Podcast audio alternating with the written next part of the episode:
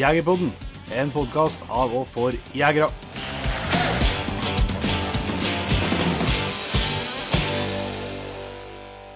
Hjertelig velkommen til en helt ny episode av Jegerpodden. Jeg heter Jon Petter Meldingen. Og jeg heter Jon Ingevik. Da er det, det er nesten litt eh, spesielt å spille inn i dag, må jeg si. For nå vet jeg at når jeg er på lufta, så er det rett og slett elgjakta i gang, Jon Inge. Yes. Det er en time unna nå. Ja, nå er det, nå er det virkelig eh, nærme seg. Pakking, pakkinga er godt i gang, og mm, jeg er fri i morgen, og det er jeg egentlig ganske glad for. For da kan jeg liksom ta litt lugnt og rolig i morgen. og ja, ordne siste i bilen og kvesse motorsaga og se over firhjulingen og bare kose seg til en fer på hytta. Ja, jeg må på jobb en tur i morgen, men uh, det jeg holder på er så gærent nå at jeg får ikke sove natta, vet du. I går, når kvelden la meg så la meg og lå og tenkte elgjakt og spekulerte på drev og så for meg vindretninga. og Så det ble så gærent at jeg måtte bare stige opp og, og fortsette med pakkinga, for jeg klarte ikke å sove likevel. Nei. Nei, det blir Åh, det skal bli godt å komme i gang. Det, um, jeg kikka på terrenget i går kveld, og det var blitt Etter en lang periode med regn, så har det, ser det faktisk ut som vi skal få uh, sol og varmegrader og full pakke i jakta nå, så um, Nei, det er gledings hele turen nå. Ja, uh, jeg har så jæklig god følelse. Jeg vet ikke hva det skyldes.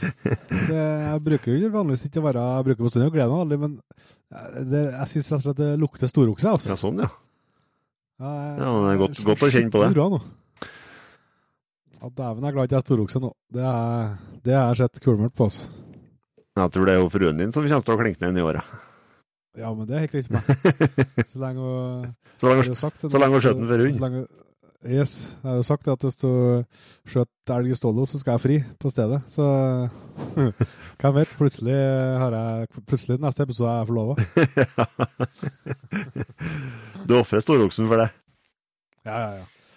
Nei, så den han eh, Nei, det er skikkelig godfølelse nå. Det kjennes ut som uh, forberedelsene Eller det er jo sikkert litt den følelsen at en har gjort, føler at en har gjort de forberedelsene som en kan. Og hvis det går åt skogen da, så må en bare gå åt skogen, da. Ja. Visse ting får man bare ikke gjort noe med. Nei. Så det skal jaggu bli, jaggu bli artig å ut og prøve seg nå. Som du sier, været ser jo veldig bra. Det blir ikke sånn jaktvær, kanskje. Altså, jeg, er litt, jeg er spent på vind, da. For det ser det mildt, veldig, veldig lite vind, så det gir jo ofte litt utfordringer med litt kasting og sånn. Men.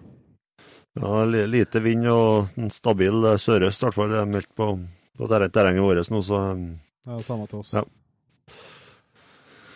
Nei, det skal bli godt å komme i gang og få sette seg på hytta i morgen ettermiddag og jekke seg først pilsen og ta seg en uh, liten Jeger Hansens Finnmarksakevitt og oh, dæven, har du fått til det? Yes. Min, min, gode kompis, eller vår gode kompis Martin, uh, bor jo litt mer sentralt enn meg, så han uh, har skaffa seg noen flasker. Ja, det høres veldig bra ut. Ja, da er dere godt uh, skodd. Ikke sikkert det blir så artig i første hand, men dere kommer nok vel ut, litt utover, sikkert? Ja da. Det tror jeg skal gå bra. Men uh, nå snakka vi nok, uh, vi to nok i lag på forrige episode, så her gangen har vi fått med oss en gjest igjen. Det har vi. En Arnold Hamstad. Yes. Jeg vil tro at det er et ganske kjent navn, i hvert fall for en del i, i Midt-Norge. Han har jo vært en, en skikkelse i, i både, både kommer til det, dagens tema, som er utstopping, eller taksidermi, eller hva kalte det? Preparant, mm. kalte han seg. Ja. Som han er veldig veldig dyktig på. Og så har han jo er vel en av de få i Norge som har den utdannelsen fra Hva heter det? Uh, Jegerskolen i Østra Malm... Nei. Jo, Østra Malmö. Ja. ja. Jegerskolen. Så han har jo du har i tillegg til en del bedre, så har han en ganske tung faglig, ut, eh, faglig bakgrunn på det som har med utmark og viltforvaltning å gjøre, og har mye tanker og meninger om det òg. Mm. Det har vært en interessant prat. Og, det og så er det jo gunstig til oss jegere å høre hvordan vi kan gjøre det best mulig for å ta vare på viltet. Ja, vi har jo hatt litt liksom på kjøttsida, men, men nevnte Jeger Hansen her, så vi har fått noen gode tips der. Men her ber jo mer på for den som har lyst til å ta vare på det, det trofeet en eventuelt får tak i på høsten. Jeg drev og ymte fram på Jon Inge om at du kanskje skulle ha stoppa ut en elgkalv. Ja, ja, ja. ja.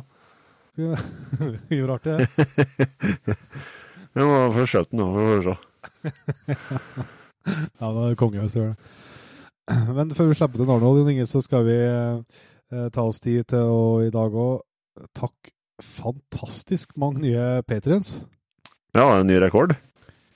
Ja, det tror jeg den må være. Eh, vi eh, ga jo ut en bonusepisode med Jens Kvernmo eh, som vi i for forvekka, og, og den er det nok mange som vil ha med seg. I tillegg så breaka vi jo nyheten at vi skal, at vi skal trekke ut to patrients som får, hvis de har lyst, eh, lov til å være med på løsendjakt eh, på elg i lag med oss i, i november.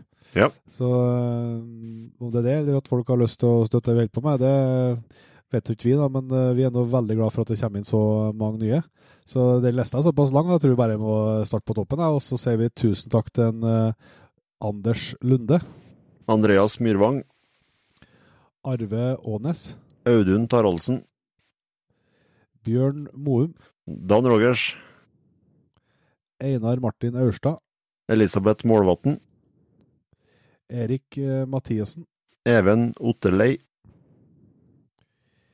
eh, Frode Langsem Olsen, Geir Liljevold, Hans Bårløkken, Henrik Melleby Ile, Hilde Krogseth, og så er det Håvard Sebu, Joakim Nordnes, Jon Åge Rogneslien, Jonny Bremvåg, Kenneth Rønningen, Kenneth Øyen, Kjell Tommy, Kjetil Nord Nordfjellmark Bårevik, Lars Erik Askjemshalten, Marius Eliassen Vatn og så er en som heter bare Martin, og en Martin Lian, Mathias Ånerød, Mats Kjørholm, Morten Måsvær, Nikolai, Nikolai Marhaug, Nils Andreas Sonde.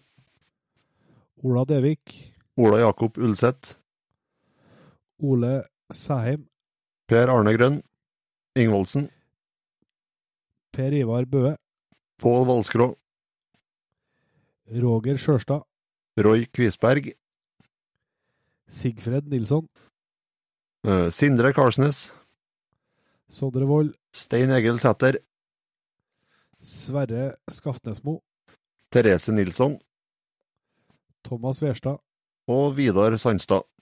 Det er helt sinnssykt var- med folk her. Ja, det er helt fantastisk. Eh, Så tusen hjertelig takk til dere som har eh, slått dere med på P3-en. Det betyr utrolig mye for oss, og selvsagt tusen hjertelig takk til dere som allerede er en del av den gjengen. Eh, Vi håper jo at vi skal klare å samle enda flere, og vi har jo lyst til å tilby enda bedre fordeler og unikt innhold, så det har vi store planer for. Og det første i hvert fall som kommer nå, det er muligheten til å vinne ei helg med løshundjakt på, på elg. Ja, og så er det jo fortsatt Så har- er det jo rabatterte priser i nettbutikken. Og så yep. var det en ting til jeg skulle si som ikke kommer på nå. Det er jo to bonusepisoder. En eh, spesialepisode med mye forskjellige gjester, egentlig. Opptak som gjorde på Camp Villmark. Som eh, Der er det til dels eh, god underholdning, i hvert fall, syns jeg. Det er artig. Og så ikke minst da episoden med en, jenser Jens her, som vi fikk spilt inn på et litt, litt fuktig, men ganske trivelig lag i sommer her. Yes. Nei, men da tror jeg vi setter over til Narendal. Da sitter vi i et fantastisk studiolokale på Røra opp til Big Five. Skal ta en prat med en kar som heter for Arnold Hamstad. Eh, hjertelig velkommen til Jegerpodden, Arnold. Jo, takk for det. Ja. Dette har vi jo gledet oss på å få prata med deg. Vi har jo, du er jo, jeg tror det er et kjent navn i hvert fall for mye jegere i, i Midt-Norge. Jeg tror det. Jeg har nå drevet på i nokså mange år, og har eh, drevet på innovasjonene i Midt-Norge i ca. 25 år. Ja. Mm. Så det som har med utmark med virksomheten min. Ja. Ja. Mm. Og så driver du jo som, eh, som utstopper òg. Ja, det stemmer det. Så det er en geskjeft jeg har drevet på uh, med i mange, mange år. Så det første fuglen jeg tok imot fra en fremmed person for utstopping, da var jeg 80 år. Så det begynner å bli mange, mange år på baken der, ja. Ja. Mm. ja. Men eh, du må fortelle litt mer om deg sjøl, hvor du er fra og kommer fra, og, og hele, hele veien, for dem som ikke kjenner så godt. Ja, det kan jeg gjøre. Eh, eh, opprinnelig så stammer jeg fra Mosvik kommune. Eh, der er jeg født, men jeg vokste opp på Levanger. Og reiste veldig tidlig ut og tok meg utdannelse. Så jeg er utdanna faktisk innenfor skogbruk. Så tok Statens skogskole på Steinkjer i sin tid. Og så gikk veien videre da til Statens skogskole i Evenstad. Der tok jeg utmarksforvaltning. Og så eh, endte jeg opp i Sverige og tok eh, viltbiologisk eh, utdannelse der. Ved Øster Malma jaktvårdsskole. Ja. Ja. Hva, som, hva som ligger i den, eh, den utdanninga der? Ja, det, det som ligger i, i utdannelsen ved Østre Malma jaktvårdsskole, det er jo nettopp dette her med, med viltstell. Eh, hvordan man skal kunne høste og utnytte de viltressursene vi har. Og likedan på hvilken måte skal vi kunne taksere og vurdere bestandene med hensyn til eh, de høstningsbare ressursene vi har. Så, så det er en mangsidig eh, utdannelse, det. Pluss at eh, dette med hunddressur og, og, og likeens eh, jakt med, med hund i ulike eh, variasjoner er en del av undervisninga der. Ja. Mm -mm. Det høres ikke som en dummeste utdannelse å ta det.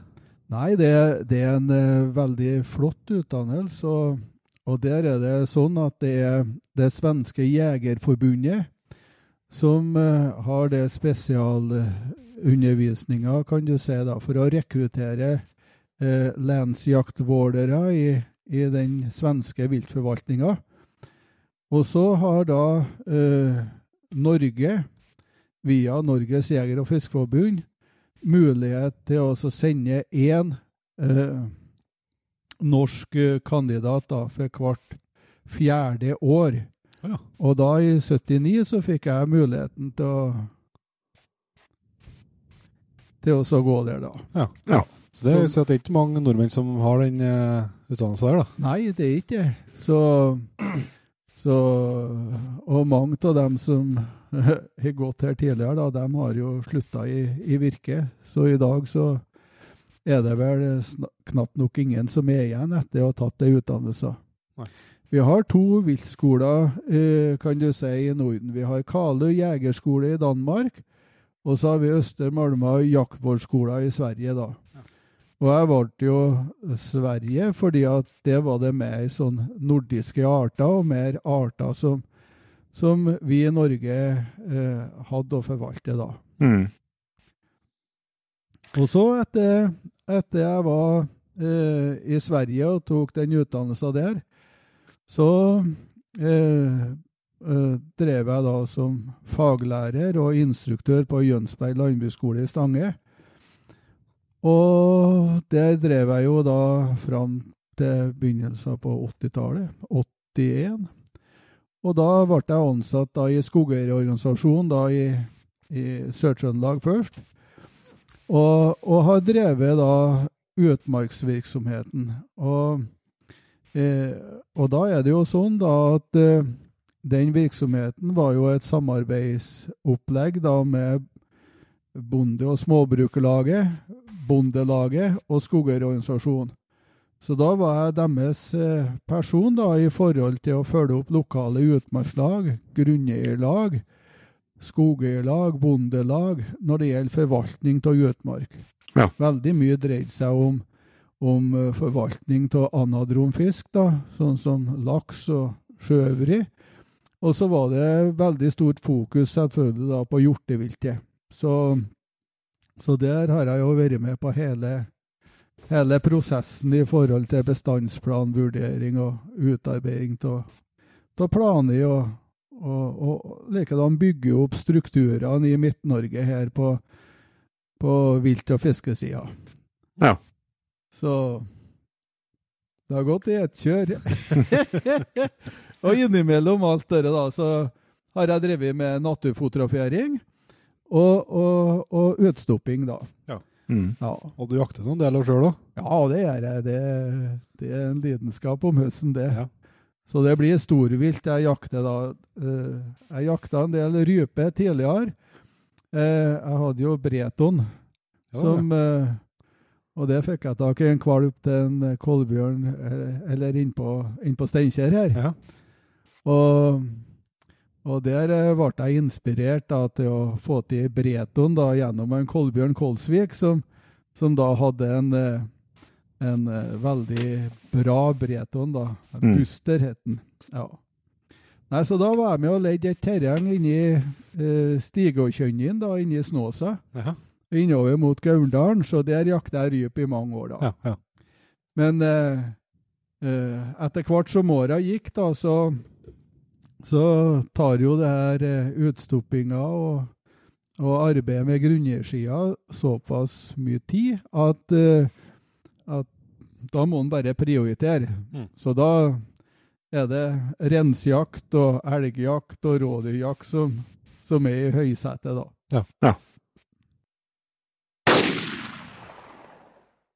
Vi er faktisk heldige at vi denne uka her igjen har fått med oss en annonsør. Og den, eh, det merket, merket tror jeg er kjent for veldig mange av lytterne våre. Det er faktisk selveste Ulvang. Eh, vi har jo varme følelser, og det er et eh, merke som har varma oss bokstavelig talt i, i mange tilfeller. Ulvang kjører jo kun 100% ull, og det er merinoull, og det er god kvalitet. Det tror jeg de fleste som har fått prøvd klærne deres, kan skrive under på. Eh, I det siste så har vi fått uh, testa litt eh, ulike klær fra, fra Ulvang sjøl, og eh, du kan trekke fram et par eh, skikkelige favoritter der, altså. En genser som heter for Extreme Meridonett, som er en eh, litt sånn halvtjukk genser med sånn eh, ullnetting innerst. eh, så er fantastisk god, og som jeg tror blir eh, et av de mest brukte plaggene nå første vekka i elgjakta. Når vi ser at det er meldt vær så det går an å gå i, i bare ull, så er jo det å, å foretrekke.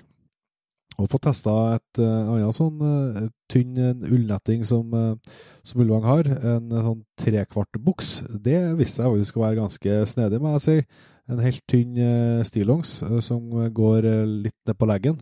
eh, som jeg ble veldig glad i, rett og slett fordi at det, ble, ikke, ble bedre plass ned i skoen. Slapp at det og klumpe seg med, med en stillongs der, så det syns jeg var et genialt, eh, en genial stillongs. Så sjekk gjerne ut eh, den og testa Vegard Havsip, en ganske sånn tjukk ullgenser, som eh, vi er blitt glad i, og som jeg tror blir en favoritt utover eh, senhøsten her, når eh, det begynner å bli eh, blått på, på gradestokken.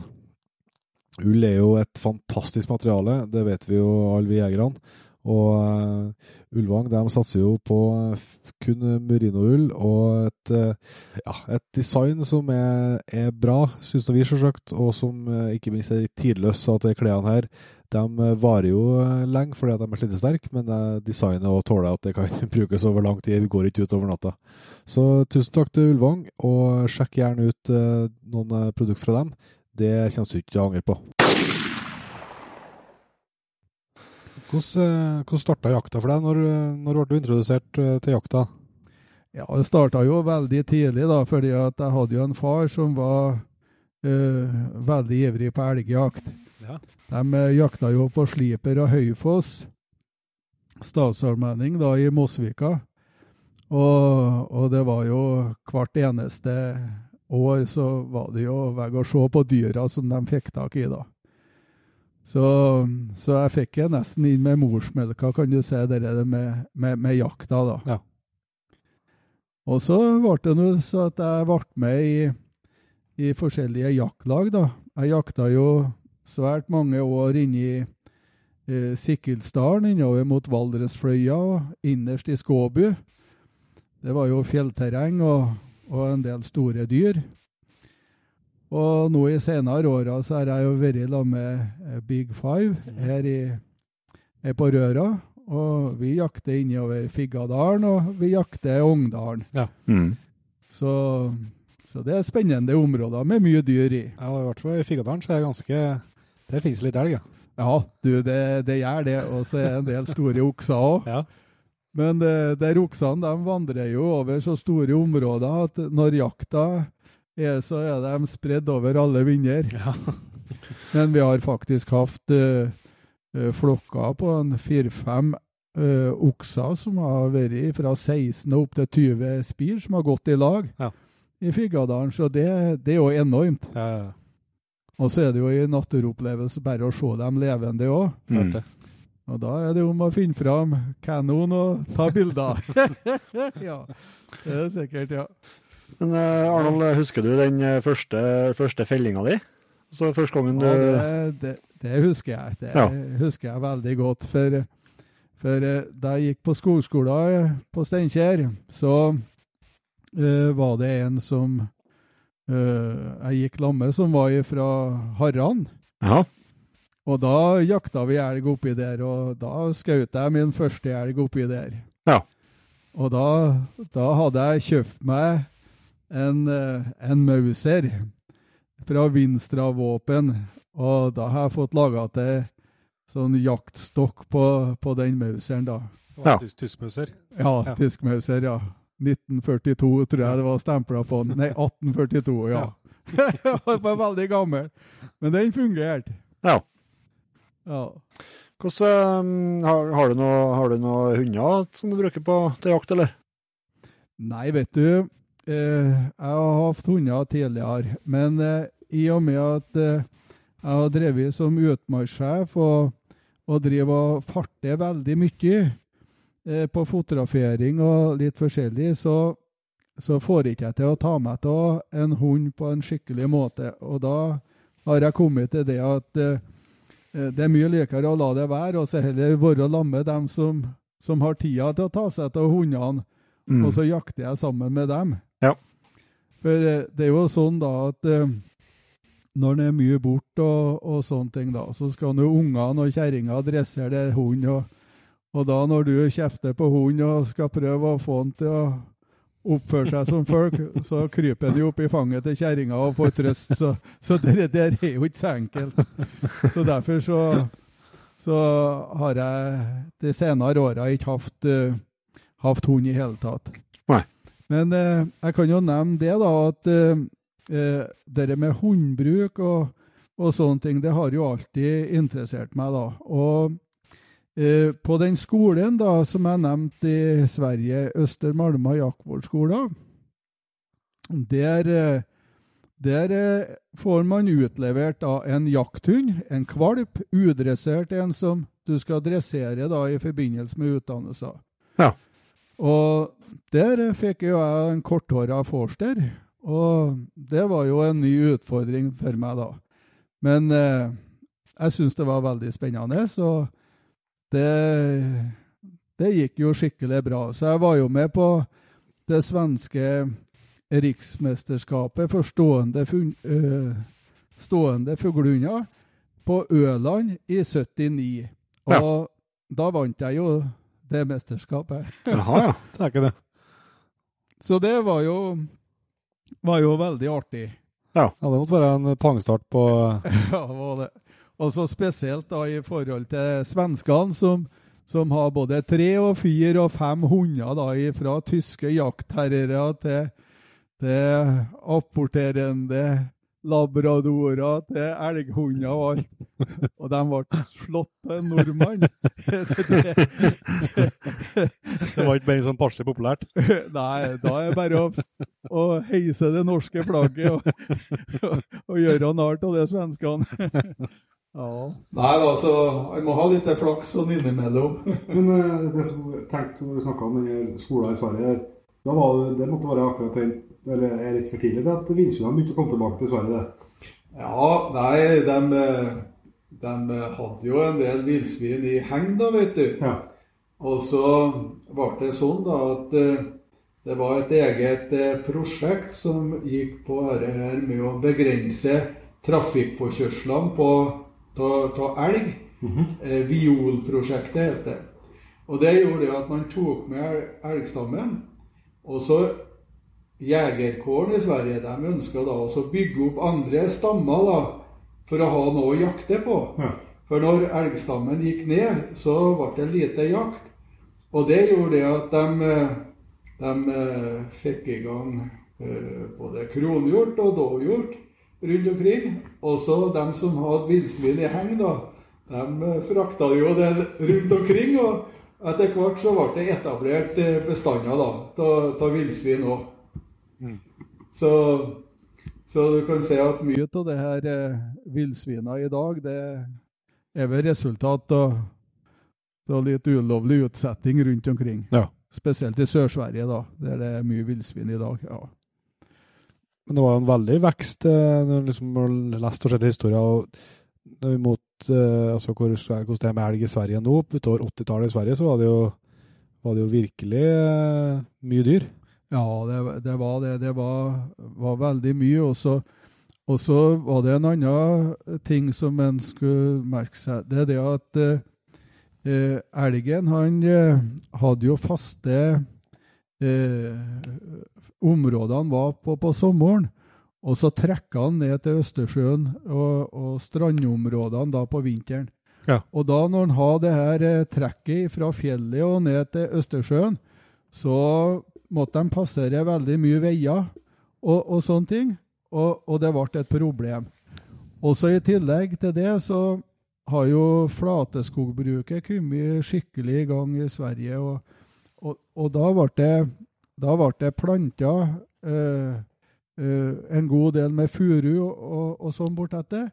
Og, og skogbolagene var opptatt av det at eh, beiteskadene av elgen var for høye, så de ville redusere elgstammen pga. det. da. Så det var mange eh, negative ting, pluss at, eh, plus at eh, du fikk eh, veldig mye påkjørsler i det tida. Og da ei viltpåkjørsel, da det kunne jo ende med, med dødsfall, da det var jo store materielle skader når at dyr blir påkjørt. Så det, det ønsker jeg meg å begrense, da. Ja, for når en er i, i Sverige jakter, i hvert fall i området jeg har vært nå, så det finnes jo selvsagt elg. Der de skjøter fortsatt mer elg i Sverige enn hva vi gjør i Norge, men det er jo langt mindre elg enn hva vi er vant til her i, i Midt-Norge, i hvert fall. Ja, det stemmer det, sjø. Og det har flere årsaker, det.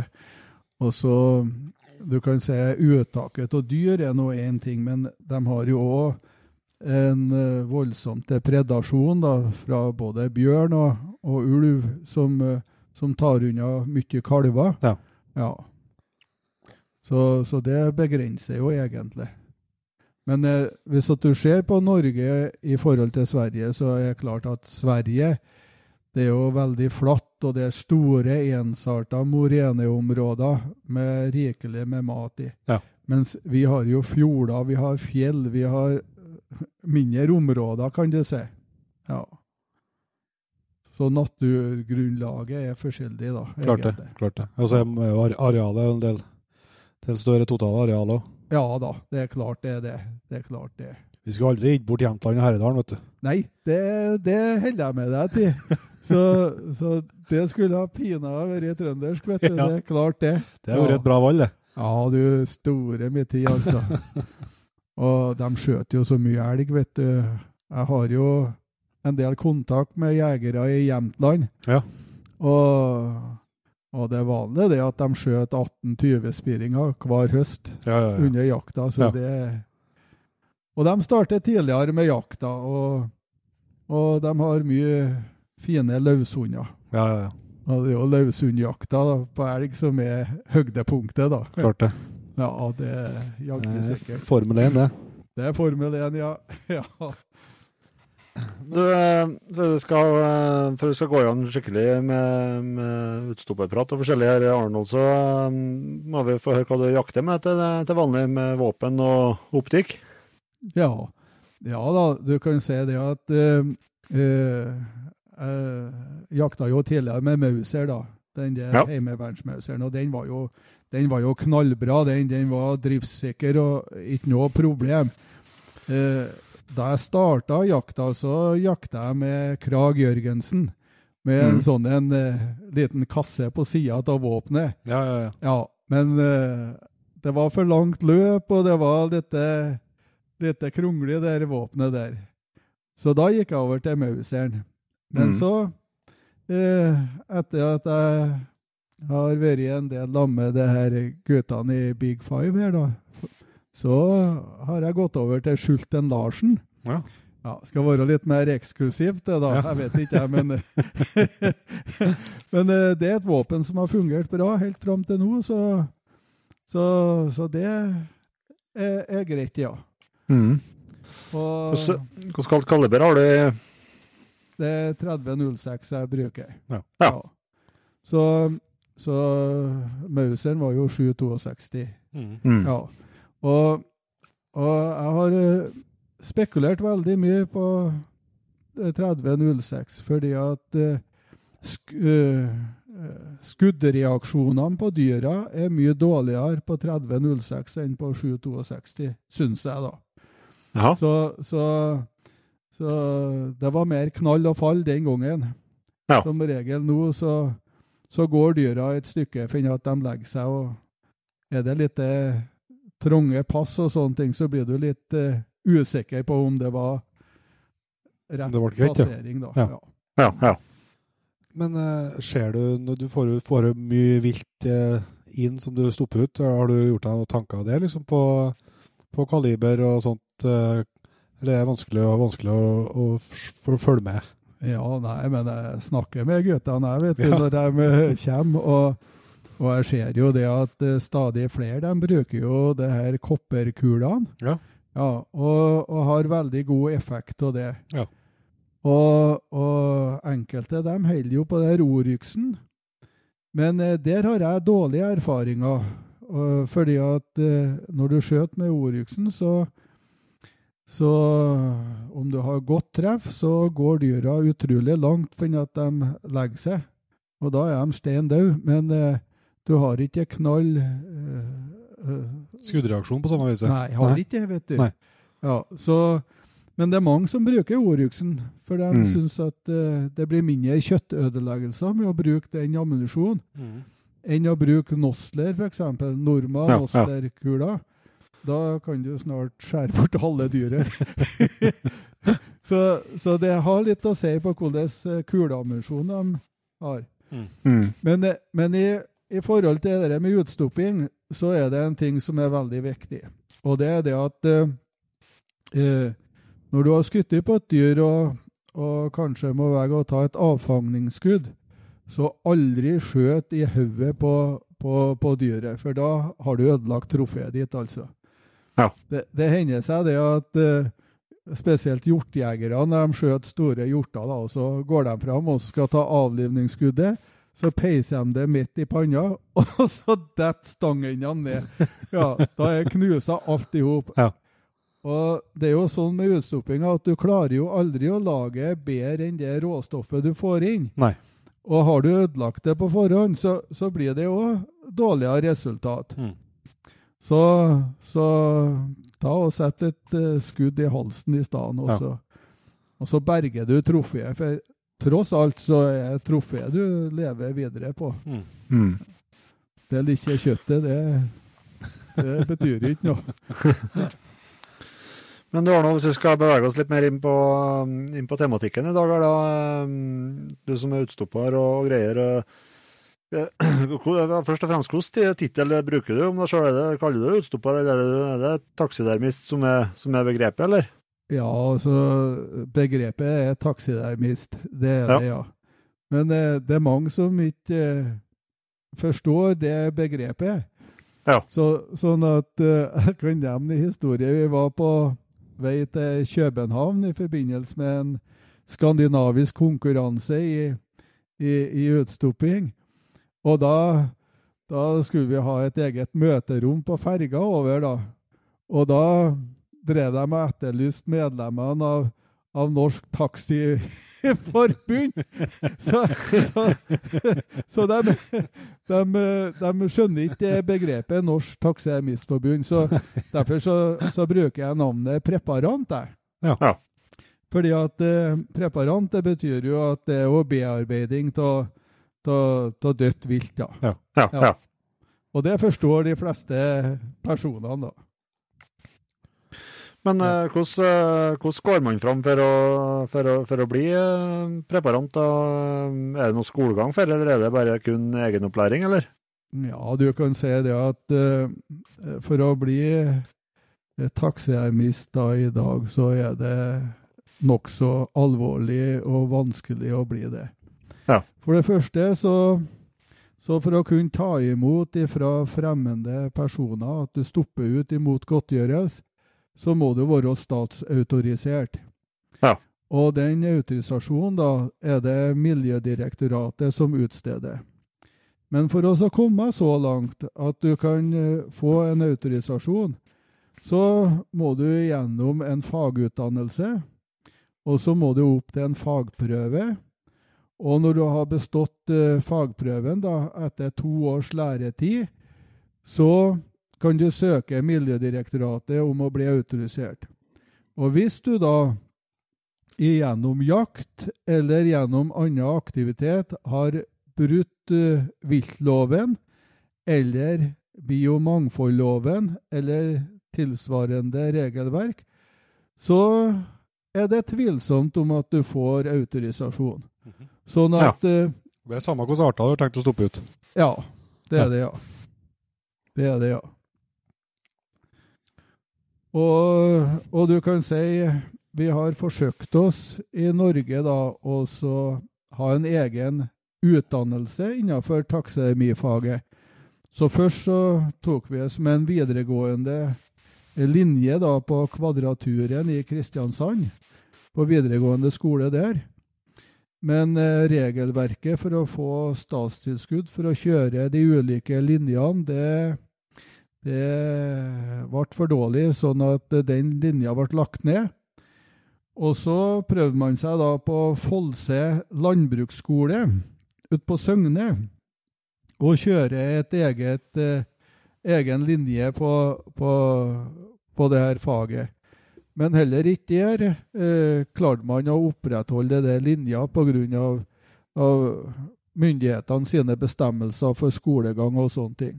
Nei. Og det som, eh, som òg er et veldig eh, vanskelig tema for dem som ønsker å utdanne seg innenfor dette temaet, det er det at du må ha lærlingetid i to år. Og da må du ha en lærlingebedrift med en kvalifisert taksonomist som kan lære opp dem. Og sånn som det er ved landets museum i dag, så er det sånn at uh, taksemifaget er bortprioritert. De vil ha bioingeniører og andre folk i stedet, så det med utstopping i museal sammenheng, det er blitt veldig begrensa. Sånn at etter hvert som de blir pensjonister, så blir det ikke ansatt noen nye. Og da, hvis at du som privatperson skal ta imot en sånn lærling, så stiller det seg nokså strenge krav til, til fasiliteter. Det er strenge HMS-krav i forhold til det kjemikaliebruken du har. Og, og det krever en god del eh, fasiliteter som de fleste ikke har. Omkledningsrom, eh, ja, toalett og sanitærforhold og, og sånne ting. Så, så, det krever såpass mye, så, så faktisk i dag så eh, kan man si at det er ca. Eh, 50-60 personer på landsbasis som, som driver dette her. Ja. Men Ja. det er bare en eh, 42 som du kan si er, er noenlunde aktiv, da. Riktig. Ja. Mm. Så det er ikke noe mange igjen. Nei, det er ikke det. Nei. Men er det, er det vært en stor nedgang? da? Har, det, har, det, har det vært mange flere tidligere? Oi, ja, det har vært flere hundre. Ja. Ja. Og bare her i Trøndelag så, så har vi jo hatt veldig mange dyktige. Vi hadde jo en Gustav Granhus i Beistan og Sigmund Hollås i Malm. Og, og vi har jo en eh, Birger Lyngstad på Steinkjer. Så det var jo, det var jo massevis av preparanter rundt omkring. Ja. Men eh, når det ble innført uh, autorisasjon og sånne ting, så datt jo de fleste bort. Ja. Ja. Men, uh, men du kan jo også, men du, du får lov til å, å, å stoppe ut for eget bruk. Ja, du, som, uh, som hobby så, så kan du drive på med uten noe, noe, noe bestemmelser. Og det Ja. er da jaktbart vilt. Ja, ja. Ja. Vi som er autorisert og driver det her, vi har jo en, eh, en spesialtillatelse til å anvende eh, rovfugler og, og rovdyr i tillegg, ved at vi legger det inn i en egen database som heter Fallviltdatabasen. som da Miljødirektoratet da styrer. Så er det noen som finner ei ugl eller en, en rovfugl eller ei ø, ja, samme hva det er for noe, Mm. så må vi legge det inn i den databasen, og så blir det da, blir det da en registrering i, overfor Miljødirektoratet, og så gir de da klarsignal om du får beholdt det, eller om at det skal sendes til en institusjon eller til noe forskning eller et eller annet. Ja. Og da er det mange av artene som skal mikroskipses, sånn at de er sporingsbare i ettertid. Og I tillegg så må kroppen sendes inn til Veterinærinstituttet i Oslo, der de tar ut eh, prøver til en egen miljøbank. Og blir det oppdaga at her er det et individ som er skutt eller er ulovlig avliva, så blir det trukket inn, og vedkommende person blir automatisk anmeldt. Ja, Så, så det, det er nokså strenge regler for å drive denne virksomheten. Ja, ja. Jeg så på den gaupa jeg fikk utstoppa, og så var det jo det var jo skippa Det ble tre-fire skipper til sammen. ja. På, fra SNO var og kikka på til, til jeg hadde på veggen, ja. Ja, det er jo Jeg syns jo det er litt sånn hysteri knytta til det der. Fordi at eh, under kvotejakta da, i februar og mars, og, og du er heldig og så skjøt deg i gaup, så får du i utgangspunktet ikke ta bort gaupa fra skuddplassen før Statens naturoppsyn har vært og sjekka skuddstedet og sjekka våpen, og, og at alt i hop er formelt i orden. Og så skal han mikroskipse det dyret på stedet. Mm. Og da blir det registrert i noe som heter for rovviltbasen. Men så, når det gaupa skal monteres da, og kommer til en preparant, så tar jo han og flåra. Og da blir jo mikroskipsen som Statens naturoppsyn setter inn i, det blir jo i skrotten. Og skrotten skal da leveres til, til Nina innen tre måneder. Og, og da er det en sikkerhet da, i forhold til forskninga at den riktige kroppen stammer fra det riktige rovbasenummeret og, og det individet. Og så når man da stopper ut det, så er situasjonen det at da skal du på nytt for det første føre det inn i fallviltdatabasen. Eh, at det er skutt av den og den personen. Så får du et eierbevis på gaupa. Og så skal det mikroskipses på nytt, sånn at det individet er sporingsbart i ettertid. Sånn at eh, ved eventuelt eh, en eller annen kontroll, så kan de si det at OK, denne gaupa er lovlig, den har det og det nummeret. Og så i tillegg så skal du betale 400 kroner i gebyr, som da skal inn til viltfondet. Ja. Så det er prosessen for ei gaupe, hvis du skal følge regelverket. Ja. Ja. Det er ganske, det er ganske mye arbeid, ja. Ja, altså, altså Det er, er så mye arbeid at, eh, at uh, du kan si det at uh, du får bort fokusen fra det håndverksmessige, og du er nødt til å sitte med papirarbeid og, og dataarbeid for å få alt lovlig. Det går bort veldig mye tid. Ja. Og så i tillegg til det, da, så, så, så har preparanten han har tre dagers frist på seg til å legge inn det viltet han tar imot. Og fungerer ikke den der jæklig PC-en din at det er et eller annet som skjer, ja, så kan det gå over fristen. Og hvis det går over fristen og du får kontroll, så får du et underlig til styr. Ja. ja. Så, så, så det er veldig strengt eh, regulert, eh, hele greien, Mm. er det. Mm. Men dere, det er kull kun eh, de store rovdyrene. Ja, det, det er det. Så, så du kan si det at uh, det gjelder den delen av viltet. Mm. Og, og, og, og du kan si at uh, når det gjelder annet freda vilt, ja, så er det, det er gjennom fallviltdatabasen, da, og så mikroskipsing i ettertid, da. Ja. Men dere rundt det her faget, da, så hvordan, eh, hvordan lærer du eh, faget, da? Du, jeg starta opp eh, veldig tidlig eh, sjøl, da. Var jeg og en kamerat på Levanger. Vi var ofte på lærerskolen, for vi var jo interessert i fugler og dyr ifra vi var bitte små. Ja. Og, og da var det en del fugler da, som, eh, som elevene på lærerskolen da har ødelagt, som ikke sto på føttene sine, og kanskje hodet var litt eh, sunn på og sånne ting. Ja. Og det fikk vi tak i. Så Ja. reiv vi sunt det, og så så vi hvordan det var bygd opp. Og så kjøpte vi ei dansk utstoppingsbok som vi har å lære oss på. Så var vi ute og skjøt trass da med luftgevær, og så drev vi og prøvde og, og feila. Så kompisen min han ga opp temmelig fort. Men jeg fortsetter jo da. Ja. Så det var sånn det starta. Men eh, nå i seinere Senere eh, så har jeg nå vært rundt omkring i verden på flere plasser. Mm. Vært med på seminar og, og, og vært med og, og lært forskjellige teknikker. Mm.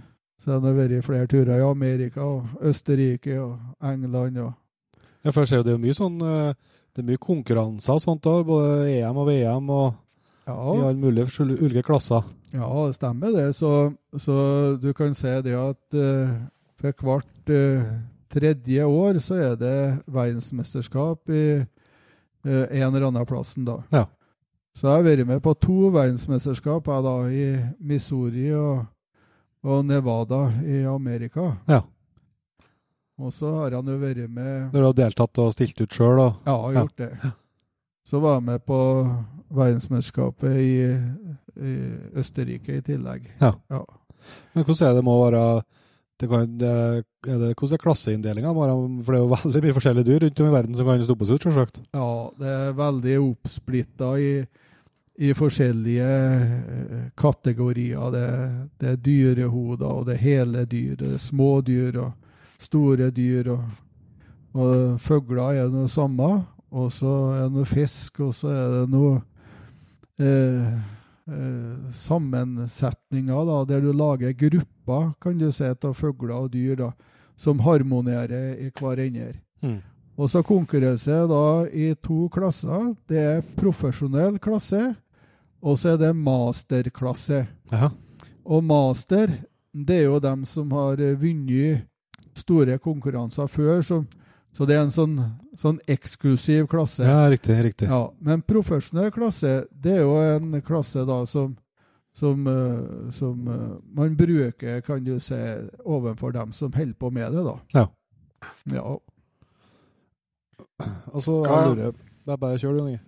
Hvordan, du som har holdt på i noen år, eh, Arnold, eh, hva, hvilke arter er det du føler som er liksom dine, eh, dine spesialiteter, eller det du, det du syns eh, du føler du er veldig god på?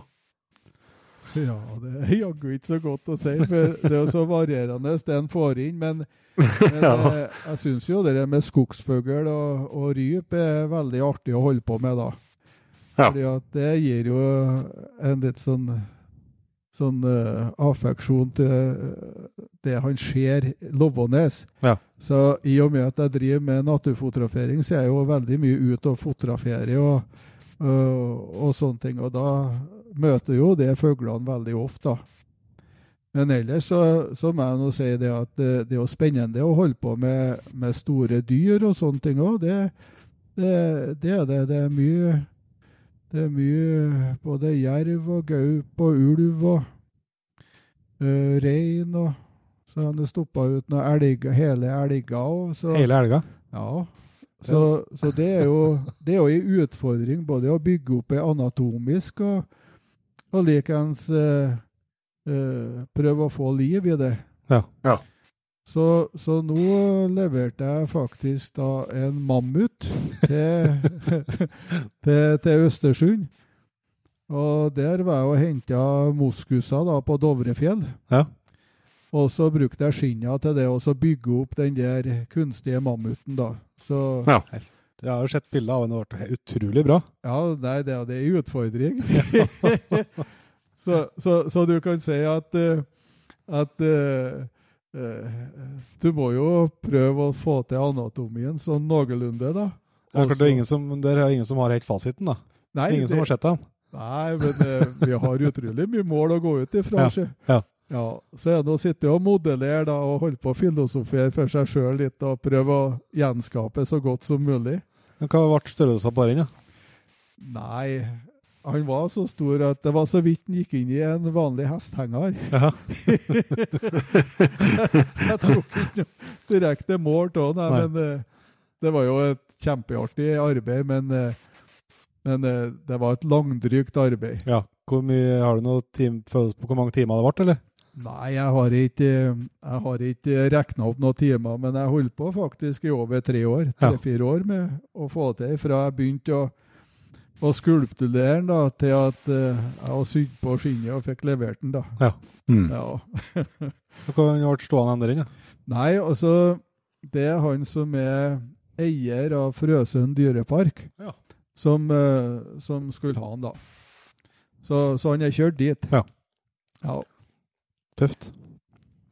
Men uh, vi, må, altså, vi må lære enda mer om det her uh, Østopia. For hva- hvordan eh, er, hva er, liksom, er prinsippet? Hvordan eh, er det likt mellom alle dyr? Det, hvis du tar helutstopping først, da er det, er det en, eh, hva dere fyller dem med? Ja, du kan si eh, det er ulike teknikker som brukes. Men når det gjelder litt større dyr, så må du skulpturere dyret på forhånd. Du må bygge opp en eh, kunstig kropp eh, med anatomiske føringer på muskelsetting og, og muskler i ansikt og sånne ting. Mm. Og så når at du da har eh, laga til den eh, skulpturen, så må du begynne å prøve skinnet og se om at skinnet passer overens med det du har laga til. Og når at du da finner ut at skinnet er, er så det passer, så legger vi blaut eh, pappmasje under, som vi gnukker skinnet på plass, og limer fast skinnet da til, til, til manukengen du har laga til. da. Ja. Men hva er den laga av den manukengen manukhengen som kalte det? Det er litt forskjellig hva du bygger opp et. Men, eh, men eh, som regel så bruker vi eh, Det er et tokomponent skum som vi kjøper. Ja. Som, eh, som vi skummer opp, og så skjærer vi det etterpå, da. Ja. Ja, Ok, Så du starter med en firkant, liksom? Ja, og så skjærer du ut dyret? Ja, jeg gjør Ja. det. Se det. Og da, hvis at det er afrikanske dyr eller utenlandske dyr som kommer inn, da har han jo ikke så stor kjennskap til anatomien som på norske dyr. Nei.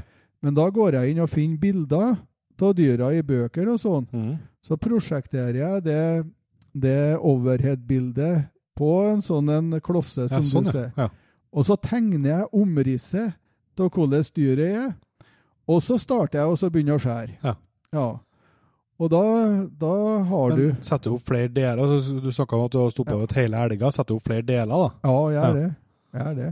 Starter, Ja. For du starter ikke med en ser ut som en trailer, liksom? Og så Ja, nei, start, starter med et uh, mettbol. Ja. Så du må ha ei midtplanke. Ja. Og så på den midtplanken, da, så fester du eh, fire armeringsjern, da, som da blir lemmene. Ja. Og så, og så må han ta mål av beina. For uh, underarmer her er jo like eh, lang som ifra albuen til skuldra. Og skuldra eh, Eller eh, ifra skuldra fram til, til kløyvene Ja. er like lang som fram til, til bekkenbeinet. Ja. Så alle dyr de er oppbygd på en proporsjonal måte. Så når du kjenner til eh, anatomien og vet eh, hvordan dyra er, mm. så modellerer du opp ut i forhold til det. Ja. Og da er det litt avhengig av hvordan kunden vil ha montasjen, da. Hvordan stillingen vil ha. Mm. Skal jeg sitte eller skal jeg ligge, eller skal det stå, eller skal jeg være i en actionstilling? Så må en modellere ut ifra det, da. Ja. Mm. Men øh, er det, er det noen trender der på hva som er populært nå, liksom? På hvordan de vil ha montasjene? Ja, det som, det som har kommet mer og mer, det er, det er eh, med skråbog. Og så er det en del som ønsker pidestall. Ja. Eh, Fordi at de rett og slett ikke har veggplass. Nei. Og så ønsker de også å ha en kasse som det står på, da, så de kan flytte rundt i rommet. Riktig. Og så er en, en ny trend at de gjerne vil da ikke bare ha en hær som stikker ut, men de vil ha litt vegetasjon og litt røtter Ja. rundt sjølve, sjølve bo, bogen. da. Ja. I stedet for at du har ei snau eh, plate, så vil de eh, ha litt mer dekorasjon på det. da. Ja. Det tar jo mer plass, men, eh, men en del ønsker det, da. Men eh, det her på, på fugl, det er samme, eh, det samme der også, som eh, du snakka om for eh, at du lager sånn lager en modell. Det er samme fyller inni dem, skal jeg si, på en fugl da. Ja, eh, for så vidt så blir det, men, men det blir litt annerledes. Fordi at eh, det er litt avhengig av hvilken fugl man snakker om.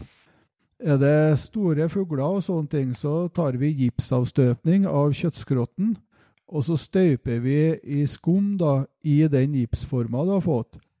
Men er det mindre fugler og, og, sånne ting, så blir det ø, surra i treull. Og så blir treulla bløyta på forhånd. Og så former du treulla, og så tørker du treulla for å få den ø, så stiv som mulig. Og da er det om å få det så likt den originale kjøttskrotten som mulig, da. Ja. Så det blir litt annerledes med fugl enn med store dyr. Ja. Ja. Men det er for at det er, som for eksempel, vi sitter jo, som vi nevnte, i et eh, flott troferom her, og det er sikkert mange av der som du har, som du kjenner til også. Ja, ja, det. Eh, men det- så henger det jo ei, ei ørn her, Ja. liksom med vingene ut. ja. Men hva så med vingene da, er det noe inni dem? Ja, det er det. Så, så, så når at du skal montere opp en fugl, så må alt som heter for kjøtt, det må bort. Ja. Ja, og, og da blir det flådd helt fram til nebbrota, og så blir det i vingene flådd helt ut til ytterste vingspiss. Ja. For uh, i, i, i vengene på fuglen, det er jo samme som armene eller framfotene på et dyr, der er veldig mye muskler og veldig mye kjøtt. Alt i hop må bort. Ja.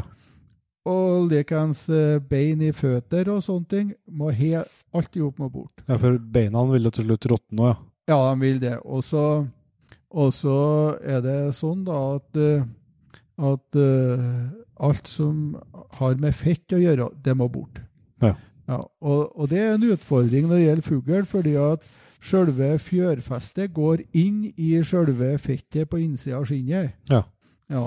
Når det gjelder pattedyr og sånne ting, så blir jo det skinnberedd. Og, og da og da Jeg bruker Granberg skinnberederi i Ølensvåg, da. Så de tar også bereder skinnet åt meg. Ja. For jeg har ikke kapasitet til å holde på med det sjøl. Nei. Nei. Men eh, der blir det tynnskjært og, og, og skikkelig bereda, da. Ja. Så det, det, det er litt forskjellige prosesser. Ut ifra hvor styr det er. ja. Ja, det er det. Har du noe eh, peiling på hvor mye arter du har, eller forskjellige arter du har vært borti og stoppa ut? Nei, jeg tror kanskje jeg har stoppa ut de fleste som finnes i landet vårt, ja. Ja, for det, det er jo målet på rommet vi sitter nå, at her skal alle jaktbare arter opp på veggen til slutt. Ja, og de kommer, dem. Ja. Så, så jeg har en del klart eh, montering, bare få tid til å gjøre det. Ja. Nei, og så er det noen del eh, utenlandske ting, da. Det, eh, før så drev jeg mye med det, men eh, nå har jeg begrensa det i senere åra, for det blir for store mengder. Ja. For eh, når en gruppe skal til Canada f.eks. og jakte svartbjørn, Ja. så er de som regel en åtte-ti stykker som skal dit og jakte. Og, og da skal de skjøte én eller to bjørner. Og da kan du risikere at det kommer plutselig 16 svartbjørner i en gang. Og, og det blir så mye arbeid at det har ikke jeg kapasitet til å ta på meg. Nei, det kan jeg forstå. Ja. Så da er det mye lekere å holde på med litt ry på litt forskjellige ting. Røskat og så, Og så er det at i og med at jeg driver mye med naturfotografering, da, så, så kan ikke jeg ta på meg for mye, så at jeg ikke får tid til å være ute i skog og mark. det går ikke. Det går ikke. Nei. Men det må jo det må være veldig styrke for, ja, for sluttproduktene du har, at du er så mye ute i skogen og, og tar så mye bilder og ser så mye dyr òg. Det er jo det som er fortrinnet mitt, syns jeg sjøl, da. Ja. Og, og, så, og så er det en annen ting. Eh, nå har jeg i mange år sittet nede med PC-en og fer og prater som en emissær rundt omkring og, om jakt og fiske og sånne ting. Og du vet aldri eh, resultatet av det teoriarbeidet du holder på med. Nei. Og da er det godt å sette seg ned og gjøre noe med fingrene. Og se det at du kan skape noe. Ja. Ja. Og, og, og da er det artig når eh, jegerne blir fornøyd, og, og at alt er, er vel. Da, da syns du du har gjort, gjort det brukbart. Ja. Ja.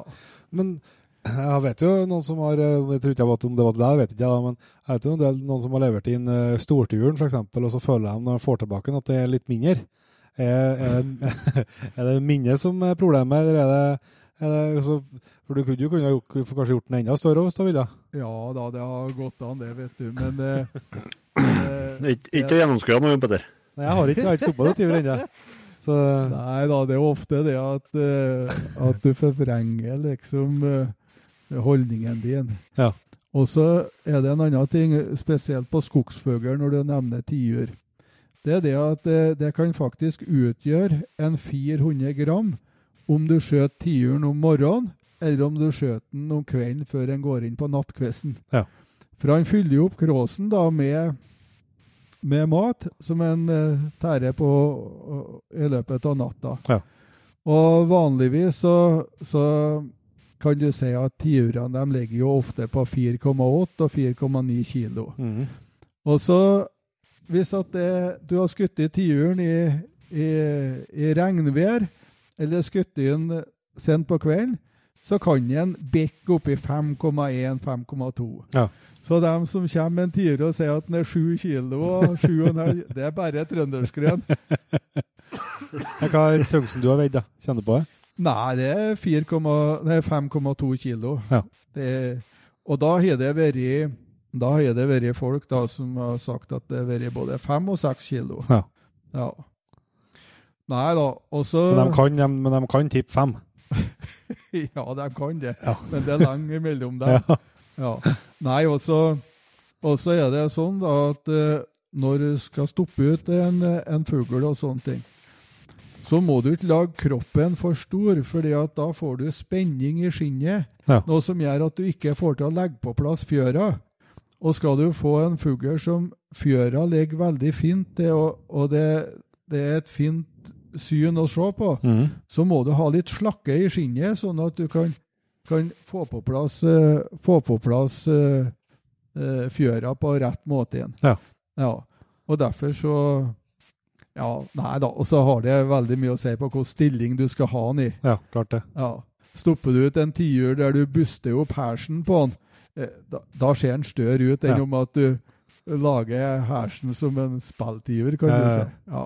Men hvordan, eh, hva er dine liksom eh, Jeg skjønner du, du lager jo på, på bestilling, du, så du gir noe det kundene vil ha. Men hvis Ja. du skal velge sjøl, har du noe på storfugl f.eks., hva er din favoritt? Hva syns du er fineste montasjene? Du, jeg syns det når det gjelder tiur, så er vanlig stilling. Og, og ikke fordi en tiur som står i spill, han ser veldig prektig og fin ut. Men det en skal huske på, at når en får utstoppa en sånn en, så skal du ha den i mange, mange år. Ja. Og da en tiur som står i spill, og så skal du drive og så tørke støv av den, og så kommer du bort til stjerten, og så fliser stjerten opp, og så blir fjøra i ulage. Så han tøler mye, mye mindre. Ja. Men har du en som står i vanlig stilling, så, så blir han mye mer kompakt og mye mer eh, Ja, tøler mer håndtering, kan du si. Ja.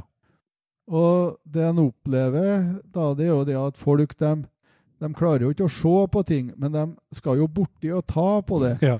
Ja, og da er det klart at en tiurstjert som står rett opp, som de begynner å bryte på, den er veldig lett for at den blir ødelagt. da. Utsatt, ja. Ja, Mm. Så han varer jo ikke så lenge, den, da. Så Det, er- det er noe med det at de skal se, se med fingrene, ja. ja, det, det er det, vet du. De skal Ja. borti og ta til og klemme, og så skal de da Ja. Og da Dere der eh, med utstoppa ting, det er veldig skjøre ting. Og, og de tøles ikke å håndteres. De må få stå på en plass der hvor hen, eh, de får være i ro. Ja. Ja. Og så en annen viktig ting når du skal ha utstoppa ting, det er det at det, det ikke blir plassert sånn at sola skinner på det. For sola blekner pelsen. Mm. Eh, sånn som gaupe, oter og mår. Står de i sola, så blir de snart albino. Ja. ja. Og likeens så skal han aldri heller eh, ha sånn eh, ting utstoppa det hvor enn du har damp fra kjøkkenet. Matdamp og feitdamp og sånn. For fettet legger seg i fjøra og håra, og da er det innfallsport for insekter. Ja. Og de skal jo ete det fettet, og da eter de håra, og da blir det fort ødelagt. Ja. Ja. Så vi må ta vare på det på en skikkelig måte. Mm. Ja. Men hvis du, hvis du gjør det, tar vare på det på en skikkelig måte, da skal det vare, det vare lenge. Ja, du, det, det gjør jeg, ja. Tidligere så bruker vi jo arsenikk, og, og vi har jo Vi har jo eksemplar som har stått i mye over 100 år Ja. uh, uten problem. Jeg kan nevne det var en, eh, det var en, eh, en rettssak i Trondheim for, eh, for noen år tilbake. Og der var det en sakkyndig da, i, fra Universitetet i Bergen, som da skulle bedømme alderen på en utstoppa kaie som, eh, som eh, var lagt fram i retten. Og da var det spørsmål da om eh, hvor gammel den der fuglen var. Og da eh, eh, sa han det at eh, den kunne være ca. fire år gammel. Men det kan godt tenkes det at den der kaia som det dreide seg om, da, var mye yngre utstoppa enn det. Og da brøt han inn den ene advokaten og la fram eh, dokumentasjon eh, fra Universitetet i Trondheim på at den fuglen var utstoppa for 70 år siden. Ja. Og det innebærer det at, eh, at eh, hvis du oppbevarer tingen på en forsvarlig og fin måte, så står det utrolig lenge. Ja. ja. Jeg har jo et annet eksempel òg som, som, eh, som jeg har tenkt mye på før. Eh, eh, på, jeg stoppa ut en mink til noen inne på Inderøya. Og, og så var jeg på besøk der en ti års tid etterpå. Og så så jeg der minken. Han var så, han var så pjuskete i pelsen. Og så lurte jeg på hva som har skjedd her, da. Da fortalte eh, kona der da at eh, hun brukte å ta koppdua og så vaske den der minken oppi oppvaskkummen når hun syntes den var for støvete. Og så sa jeg det at Nei, for all del, nå må du slutte, altså. Jeg har jo brukt arsenikk på, på, på skinnet. Men, men hun vaska den med koppdua. Ja. Og der ser du ukyndigheten, Ja, ja. altså. Og det er klart, hvis at du håndterer det, så blir det deretter. òg. Ja, ja. Men, eh, Men men, jeg- jeg, men jeg- arsenikken er slutt på. Ja, Uh, nå får ikke jeg kjøpt arsenikk. Men uh, tenk deg det, som tiåring så kjøpte jeg fire kilo arsenikk på apoteket på Levanger Ja. i gangen. I gang. Ja, og da fikk jeg det i, i pulverform. Og jeg blanda ut det sjøl med eh, uparfymert eh, eh, såpe og Borax, og laga til en grøt. Og den grøten pensla jeg på innsida av skinnet. Ja. Og i dag så hører de snakke om arsenikk, så, så får de svimeanfall, ja, ja. apotekerne. Så det, det får du ikke noe mer. Nei. Nei. Og det er vel kanskje like greit òg. Ja da, det, det, det er uholdbart å holde på med så sterke kjemikalier. Mm. Ja, han, eh, jeg nevnte jo tidligere han Gustav Granhus i Bestan.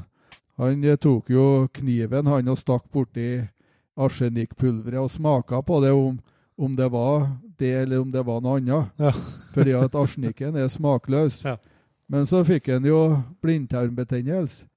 Og det gjorde det at de klarte jo ikke å, å søve ned under operasjonen, så de betta fast den og opererte den. Så, så det har konsekvenser å holde på med kjemikalier. Ja. Men i dag så har vi jo mer kunnskaper om, om det med bruk av løsningsmidler og sånne ting, så nå er vi jo mye mer obs på, på sånne ting. Ja.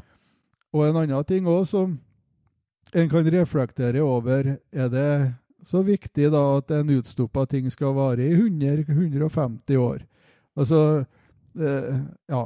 Han, han, må tenke litt på hva han holder på med. Mm. Ja. Så Nei da, det skjedde forandringer. Klart Ja. det. Men hvordan kan, eh, når man har eh, Når først snakker om det med å ta, ta vare på det som er utstoppa nå, hvordan, eh, sånn som fugler og, og, dyr med pels, da, hvordan skal, skal man ta vare på det? Ja, du kan se For å få bort støv, da, så fugl, da, så anbefaler jeg en mjuk pensel. Som du da fukter litt, så den blir litt klebrig. Og så pensler du med fjøra, ikke mot fjøra, men med fjøra. Da får du bort støvet.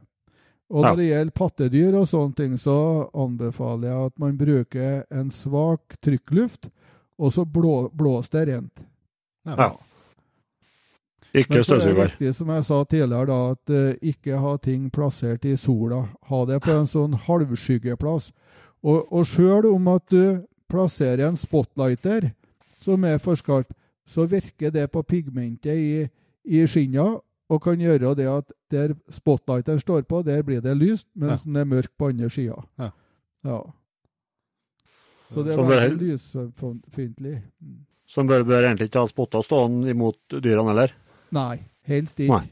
Nei, Nei. helst ikke. Ha det som eh, med en sånn diffus eh, lys, det er absolutt det beste. Ja, Da må jeg opp og justere litt spotter etterpå. ja det må du da, ja. ja. Nei da, men det, det er jo selvfølgelig noen dyr som tøler det mer enn andre, da, men, eh, Ja, ja. men, men aldri ha en spott direkte på, nei. Nei. Nei. Nei. Man skal ikke bruke støvsugeren da, for å få, få, få vekk eh, støvet. Nei, det må du ikke gjøre. Nei, for, Nei. for eh, hvis at du støvsuger, så, så suger du eh, til deg det der, og da kan Ja. du suge bort både fjør og, og hår. Så du Ja, må ja, ja. blåse ut. Ja. Ja. Så de gamle støvsugerne, der kunne du sette slangen på bakenden, og da Ja. blåste du ut. Ja. Ja, de var veldig gode og fine å bruke. Ja. Ja, ja, ja. ja. Nei, så blås ut. Det er det beste. Ja. Men hvis vi, skal, hvis vi skal begynne litt fra starten, da, Arnold, Ja. når vi som jegere eh, feller et vilt som vi, som vi gjerne skulle ta, skal ta vare på. ja. Eh, det er jo sikkert noen forskjeller på, på om det er fugl eller uh, småvilt eller storvilt eller hjortevilt og sånt. Kan ikke du dra oss litt sånn gjennom uh, hva man skal gjøre for at uh, du skal ha et best mulig utgangspunkt når du skal til å starte på med, med preparantjobben? Ja. Eh, kan begynne med fugl først. da. Det er jo rypejegere og skogsfugljegere som ofte kommer. da. Og det som en eh, må gjøre for å ivareta det på best mulig måte, det er det at han har med seg husholdningspapir eller dasspapir i sekken. Og så tar man og pakker eh, en liten dert inni nebbet, og så ruller du inn eh, fuglen i, i det papiret. Ikke bruk avispapir. Nei. Det er mange som tar med seg avispapir, men så er det sånn da at det er fukt i sjølve fjøra, og trykksverter fra avisa vil sette seg på hvite fjør. Ja. Og det får du aldri til å vaske bort. Nei. Nei.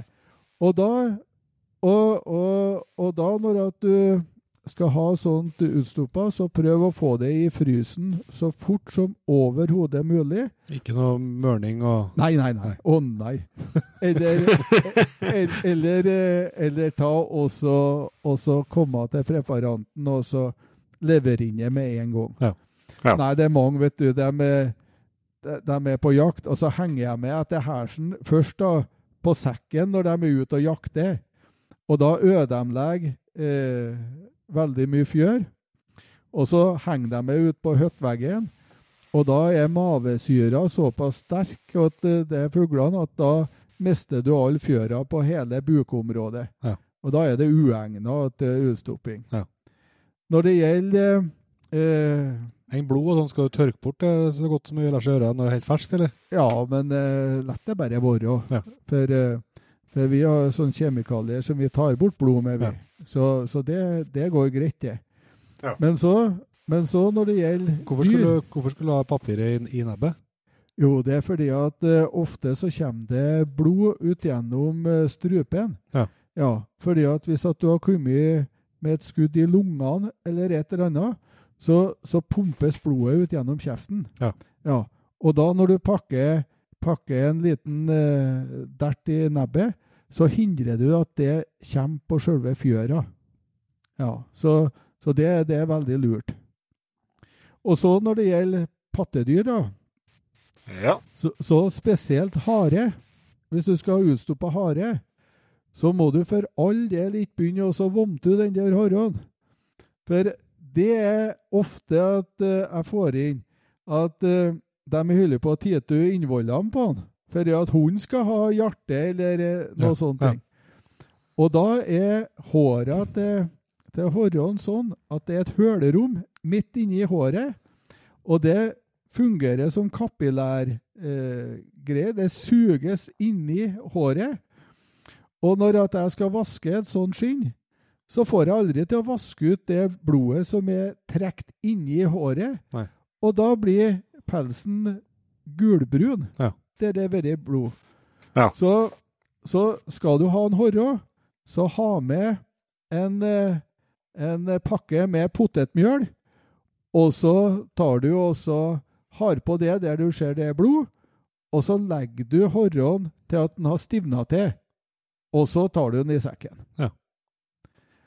Og når det gjelder eh, større ting, da, sånn som hjortevilt og sånne ting, så det første du må gjøre, det er at du må si ifra til jaktkameratene dine at de får fanken ikke komme med kniven og begynne å herje med det der før jeg har bestemt meg for hva det skal brukes til. Nei. Nei. Fordi at jeg har så mange opplevelser av det at eh, elgjegerne og sånne ting eh, er ute og jakter, så skjøter de seg en fin okse. Og så er det en eller annen på jaktlaget da, som bretter opp armene og skjærer opp uh, strupen og, og, og river ut innvollene så han er blodete fra nassen til langt ned på leggene. Altså, det må han faen ikke finne på å gjøre, altså. Nei. nei. Altså Det som er viktig, det er det at du bestemmer deg hva du skal ha dyret ditt til, før at du hele tatt tar fram kniven. Ja. Ja. Og skal du ha, ha det dyret du har skutt i, som skinn, så må du flå på en spesiell måte. Skal du ha det for halsmontering, eller bogmontering, så det første du må gjøre, det er at du må legge handa di eh, bak bogen, og så ringer du rundt hele dyret med kniven. Ja.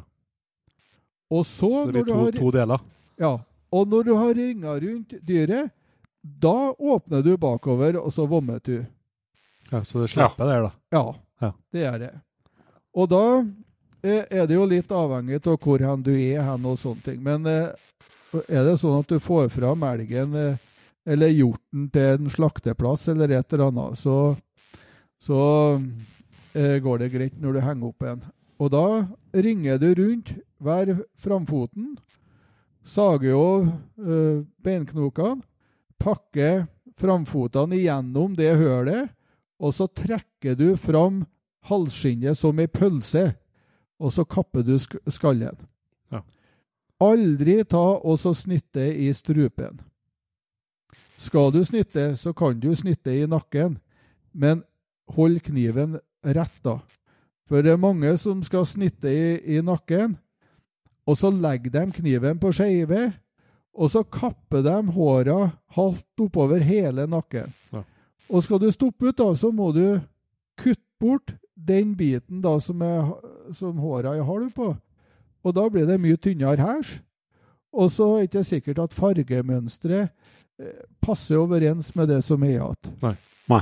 Så da bare så skjønner du at du, du tar av så at du får, hel, så du får skinnet helt hele veien, da. Ja. Så at det, det, henger, det skal henge igjen på, på skallen. Ja. Og så er det om å få det så raskt som mulig til preparant, eller fryse ned. Mm. Du skal ha litt fryserplass hvis du skal fryse inn et bra ja, da, det, de leverer på sånne åpne frys, da, vet du. Ja. Fiskemottak. Ja, ja, ja. Ja. Så det finnes alltid noen muligheter. Ja. Mm. Eh, men men det, det, der er det òg en del som begynner å, å, å tukle, vet du. De har på salt. Salt på hælskinnet, og pakke salt inni nesseborene og inni kjeften og sånne ting. Og det er godt ment, men eh, når den som er preparant skal begynne å flå det der, så når du har på salt, så blir det hardt. Og du klarer ikke å flå av uh, nesseborene og, og, og hodeskinnet på en fornuftig måte. Nei. Da blir skinnet veldig tjukt. Og hvis at det er tjukt, så er det lett for at det surner, og du får surflekker. Ja.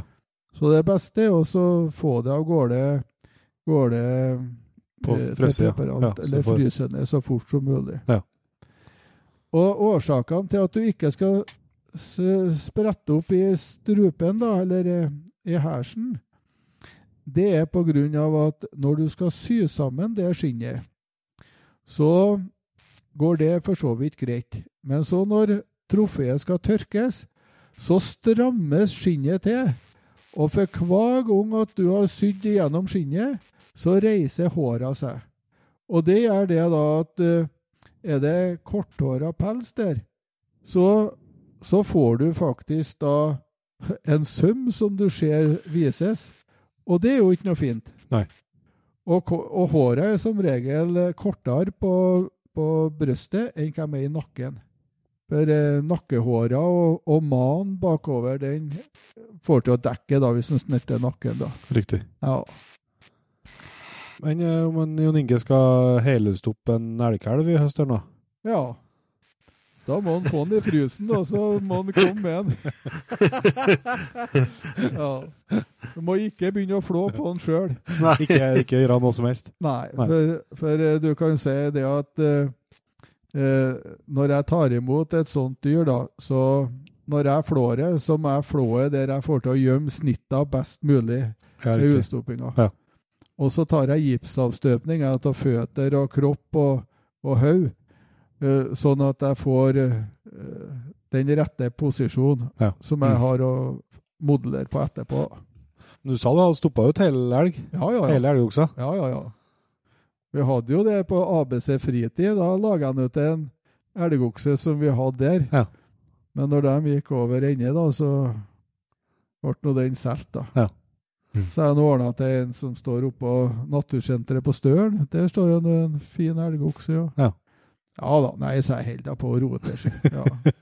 Ja. Ja, det er Men eh, på, på sånn som de store rovdyrene, da, der eh, eh, Som du liksom skal, må helfrys uansett. Ja. Uh, er det bare dem kjappest mulig frys der, eller? ja det Skal det. ikke, skal ikke bruke noe salt eller noen ting der, eller? Nei. Nei. Nei. Få dem i frysen. Og, Ja. og hvis at du er nødt til å fryse inn på en, eh, en eh, åpen frys, et fiskemottak, eller at du har en, en stor fryser med sånn kjølevifte på, så Ja. må du pakke inn det veldig godt i plast. For ellers så frysetørrer seg. Og det som er utfordringa da, det er ørene. Fordi at Ja. når det skal stoppes ut, da, så skal ørbrusken Den blir jo tatt ut da, for å erstatte med, med kunstig. For ellers så får, får det utstoppa eksemplaret hengeører, og det er nå ikke noe trivelig. Nei, Da må det pakkes inn godt i plastikk. Og da anbefaler jeg folk da til å bruke sånn osteplast. Det er sånn tynnplast du pakker inn eh, eh, osten i kjøleskapet med. Ja. Surre det Ja, sånn kjempegodt. gla, gla, gladpakk? eller hva Ja, det heter det, ja. ja. ja. Surre veldig godt eh, inn, for å holde på fuktigheten så ikke tørker ut på Ja. noe sett og vis. Ja. Ja, Det var mye gode tips her, da. ja, nei da, det Man får jo noen erfaringer etter hvert. Vi eh, har jo snakka en del nå om uh, forskjellig det her uh, utstoppinga, eh, men det som eh, jeg tror også er bra å få fram, Arnold, det er litt hvor mye timer dere faktisk holder på. For at eh, det er jo noen som eh, har fått høre at, eh, fall at det også vært for dyrt. Og det er klart det koster jo noen kroner å få stoppa ut, men det er jo gode grunner til det. Ja, det er det. Du vet, eh, eh, når det gjelder det med utstoppinga, så har vi jo en del leverandører til oss som leverer kjemikalier. Det er noen som produserer øyne til oss. Og, og det kan hende vi må handle andre ting. Ja. Og de bare øker og øker prisene, dem. Mm. Men den som driver som preparant, han er jo den på enden av den verdikjeda. Ja. Og han må jo ha inndekka de kostnadene som han har, har eh, på materialet han bruker. Og så må han jo ha såpass at uh, det er noe vits å holde på med det. Mm. Og, og sånn som det er i dag, så, så ligger preparantene ofte da på 200 kroner timen. Mm. Og, og da for å stoppe ut ei rype, f.eks., som utgangspunkt, da, så, så trenger du da en og en halv dag for å ordne den montasjen. Så, så da blir det, blir det noen uh, tusen færre, da. Klart det. Mm. Så jeg tar 3000 kroner for ei rype. Ja. Og, og da har du fokusen på bare rypa. Men du skal òg huske på det at den rypa skal være plassert på et fundament. Mm. Og da må du ut og lete mose, du må lete røtter, du må lage det, lage det med litt vegetasjon, du må lage litt liv over montasjen. Og da er det litt avhengig av hvordan du ønsker den der laga til. Mm. Noen ønsker en vintermontasje med snø og rim på kvister som rypa skal stå til. Og, og da er det klart det går jo arbeidstid til det òg. Ja. Ja. Ja, og så sier 200 kroner timen når du vet hva en må betale på et bilverksted eller på, eh, til en snekker eller ja. hva det skal være. eller- Så er det er jo ikke 200 kroner timen rare, rare betalinger heller. Nei, jeg syns ikke det. Altså det Nei da. Så det er vel kanskje òg derfor at eh, betalingsvilligheten til dem som, dem som lever inn i ryp, da er, er begrensa.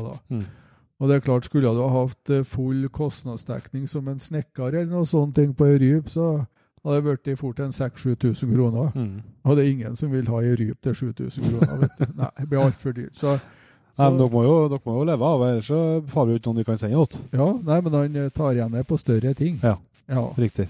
Ja, for der, eh, der er ikke snakk om penger, der Nei. er det snakk om å få ting gjort. Ja. Ja. Ja, for hva må, hvis en vil ha en bogmontasje av en stor elgokse, hva du må rekke med å betale ja øh, jeg tar 15 000. Ja. Men øh, den ordinære prisen den er på 22 000 i dag. Ja. Det er den. Ja, men det er ikke Det er jo mye penger, men det er, jo, det er jo virkelig Du har jo virkelig et flott trofé. da, hvis du, Det er jo ikke for de fleste av oss, i hvert fall, så, så skjøt han ikke eh, de litt gropere eh, hvert år. Nei, han gjør ikke det. Nei, også når jeg nevner det med pris, så er det litt vanskelig egentlig det. det eh, du vet, eh, eh, den som skal starte opp med det her, og må bygge seg et nytt verksted, der du skal ha avtrekkssystem, du skal ha eget kjemikalierom, du skal ha egne frysere, og du skal ha fasilitetene i orden for å drive med det, så har du òg store verkstedkostnader. Klart det. Eh, Pluss at du har en del eh, verktøy du bruker som slites etter hvert. Og da, da er det forskjell på hva han kan levere ting eh, i forhold til en som har vært gjennom den fasen og kanskje er gjeldsfri.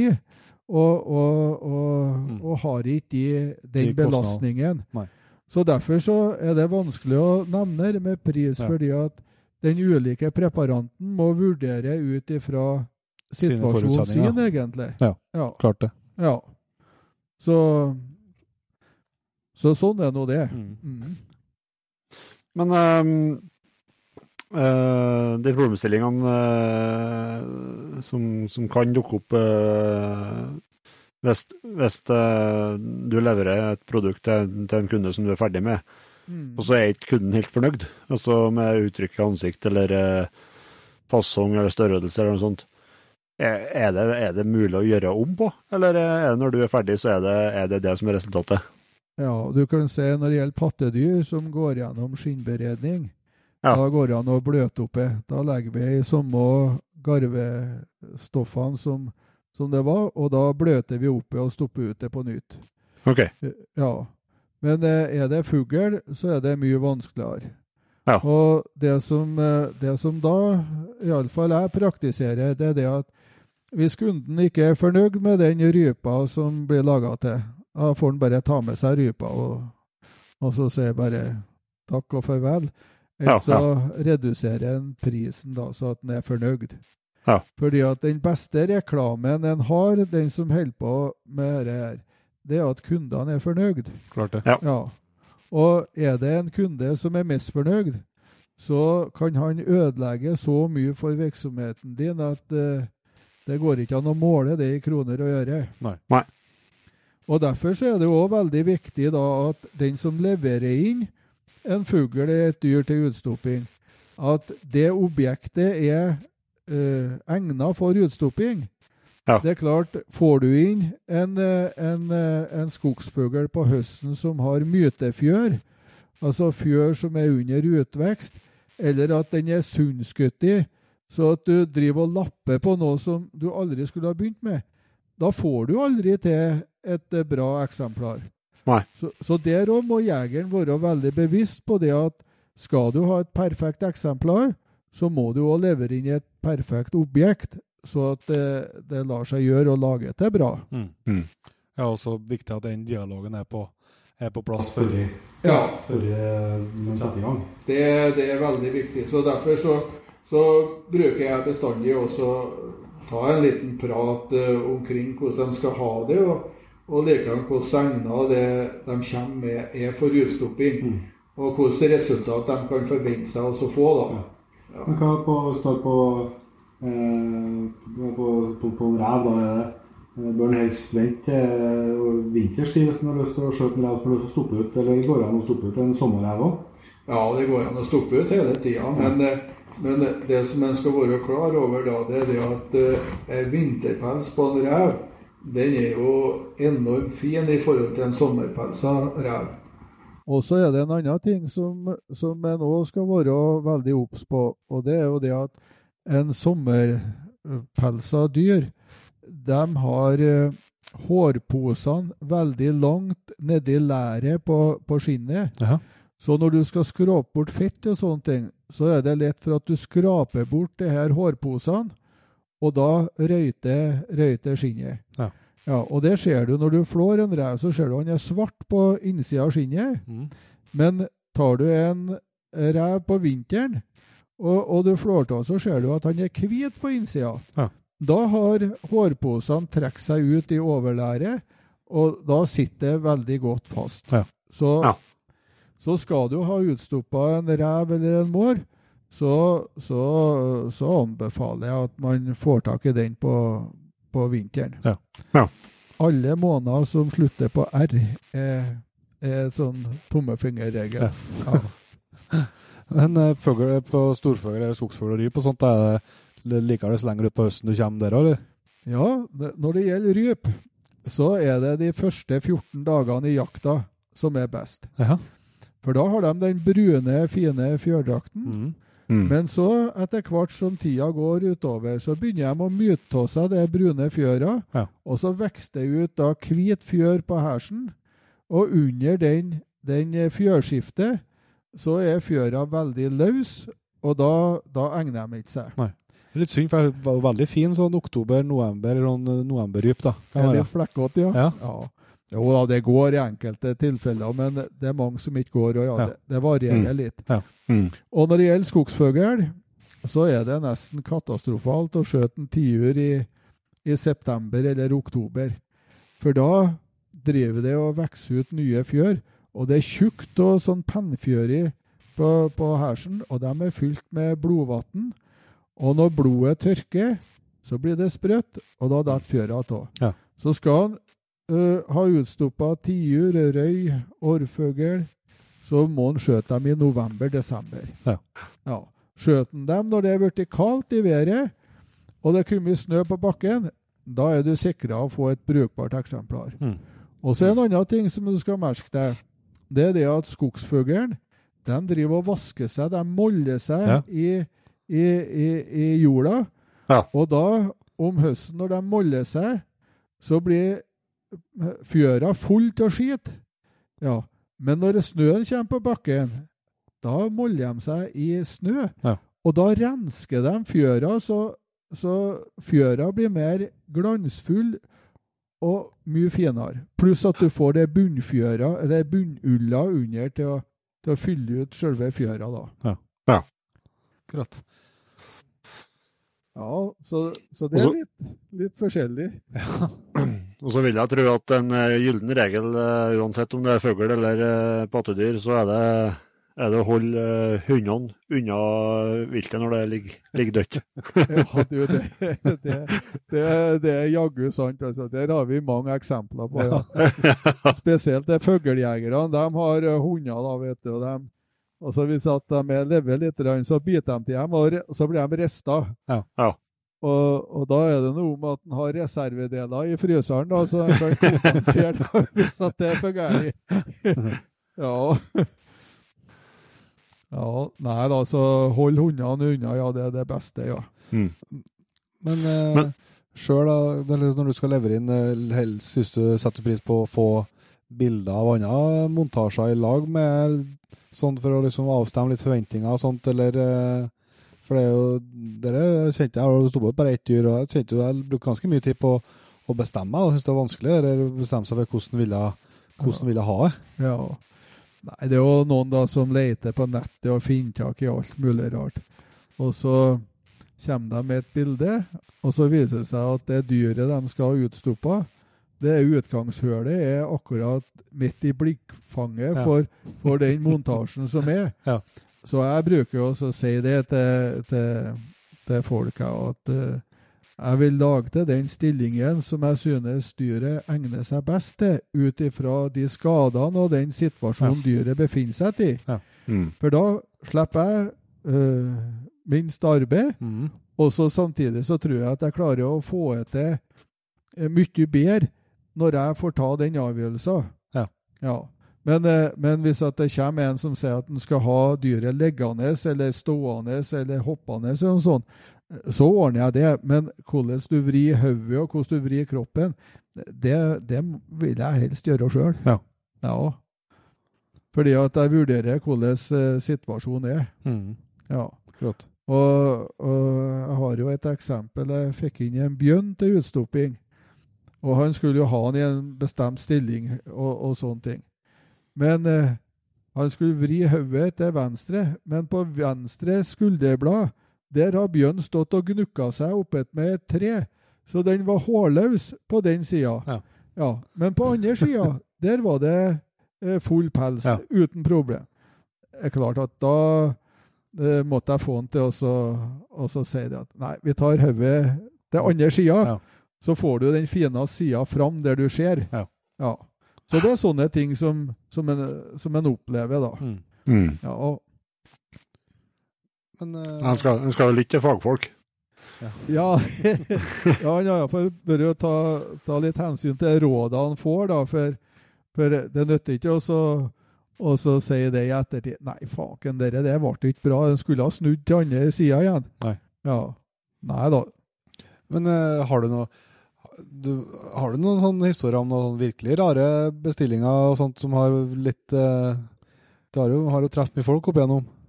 Ja, du vet, du møter de utenkeligste personene, vet du. Og, og, og det er ofte folk da som, som kanskje ikke er jegere. Ja, og, og det her folket, da, da vet du, dem Ja, det er fugler som flyger mot eh, stuevinduet. De er ute på skogstur, og så finner de en fugl eller et dyr, og har med seg unger. og er aldeles oppi det og begynt å rydde av plass på veggen for å ha det plassert.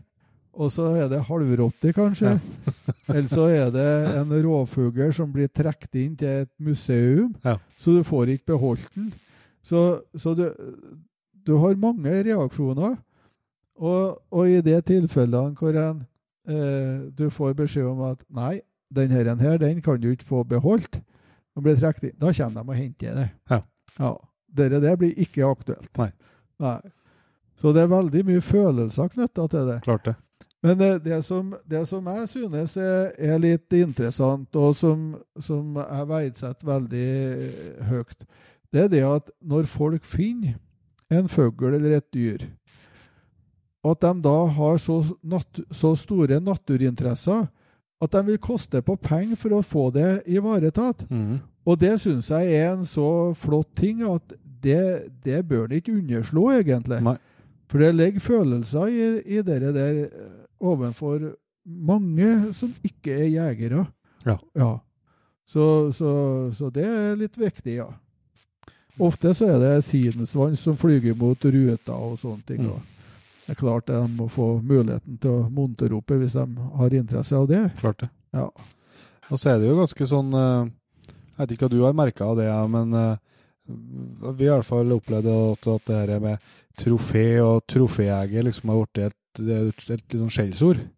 Ja. Eh, og Ja. på et vis så tenker jeg at eh, eh, Jeg syns jo selvsagt at du skal ta vare på kjøttet og sånt, men det å ta vare på trofeet, det er jo ikke, det er jo ikke noe man skal skjemmes av det. Nei.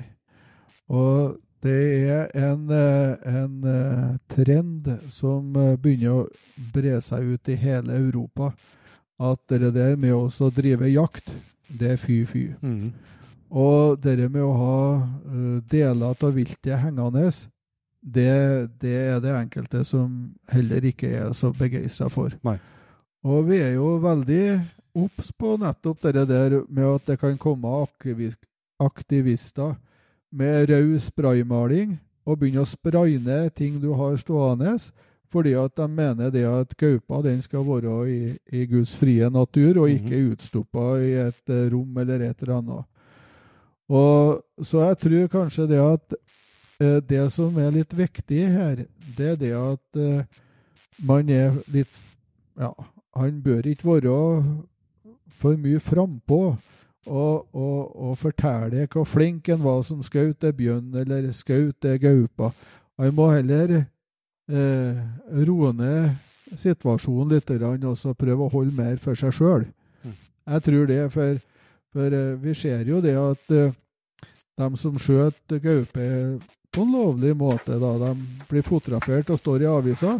Og de får jo drapstrusler, og det er jo ikke med måte på hvordan enkelte reagerer. Nei. Og, og det, er noe, det er jo ikke noe trivelig for noen, det. Nei. Nei. Men samtidig, når et dyr er dødt, og man ønsker å ta vare på det, så må jo det være kjempemessig for alle sammen, egentlig. Ja, og tenker at det viser jo Ja. litt respekt for eh, dyret du har felt òg. Ja, og så er det det at når du først skjøter et dyr, så skal du jo bruke det Mm. bruke til noe. Og, og det at, å ta vare på hånda på rådyret eller hjorten eller sånne ting, det må jo være kjempemessig. Mm. Ja, det, det syns jeg, ja. Ja. ja. Det har vi forresten ikke vært innom når du sa hånda her. Det har ikke vært innom, eh, for det kan jo forhåpentligvis eh, være en problemstilling for noen som hører på, eller noen av dem som lager podkasten her, at en skal ta vare på et gevir i løpet av høsten. Ja.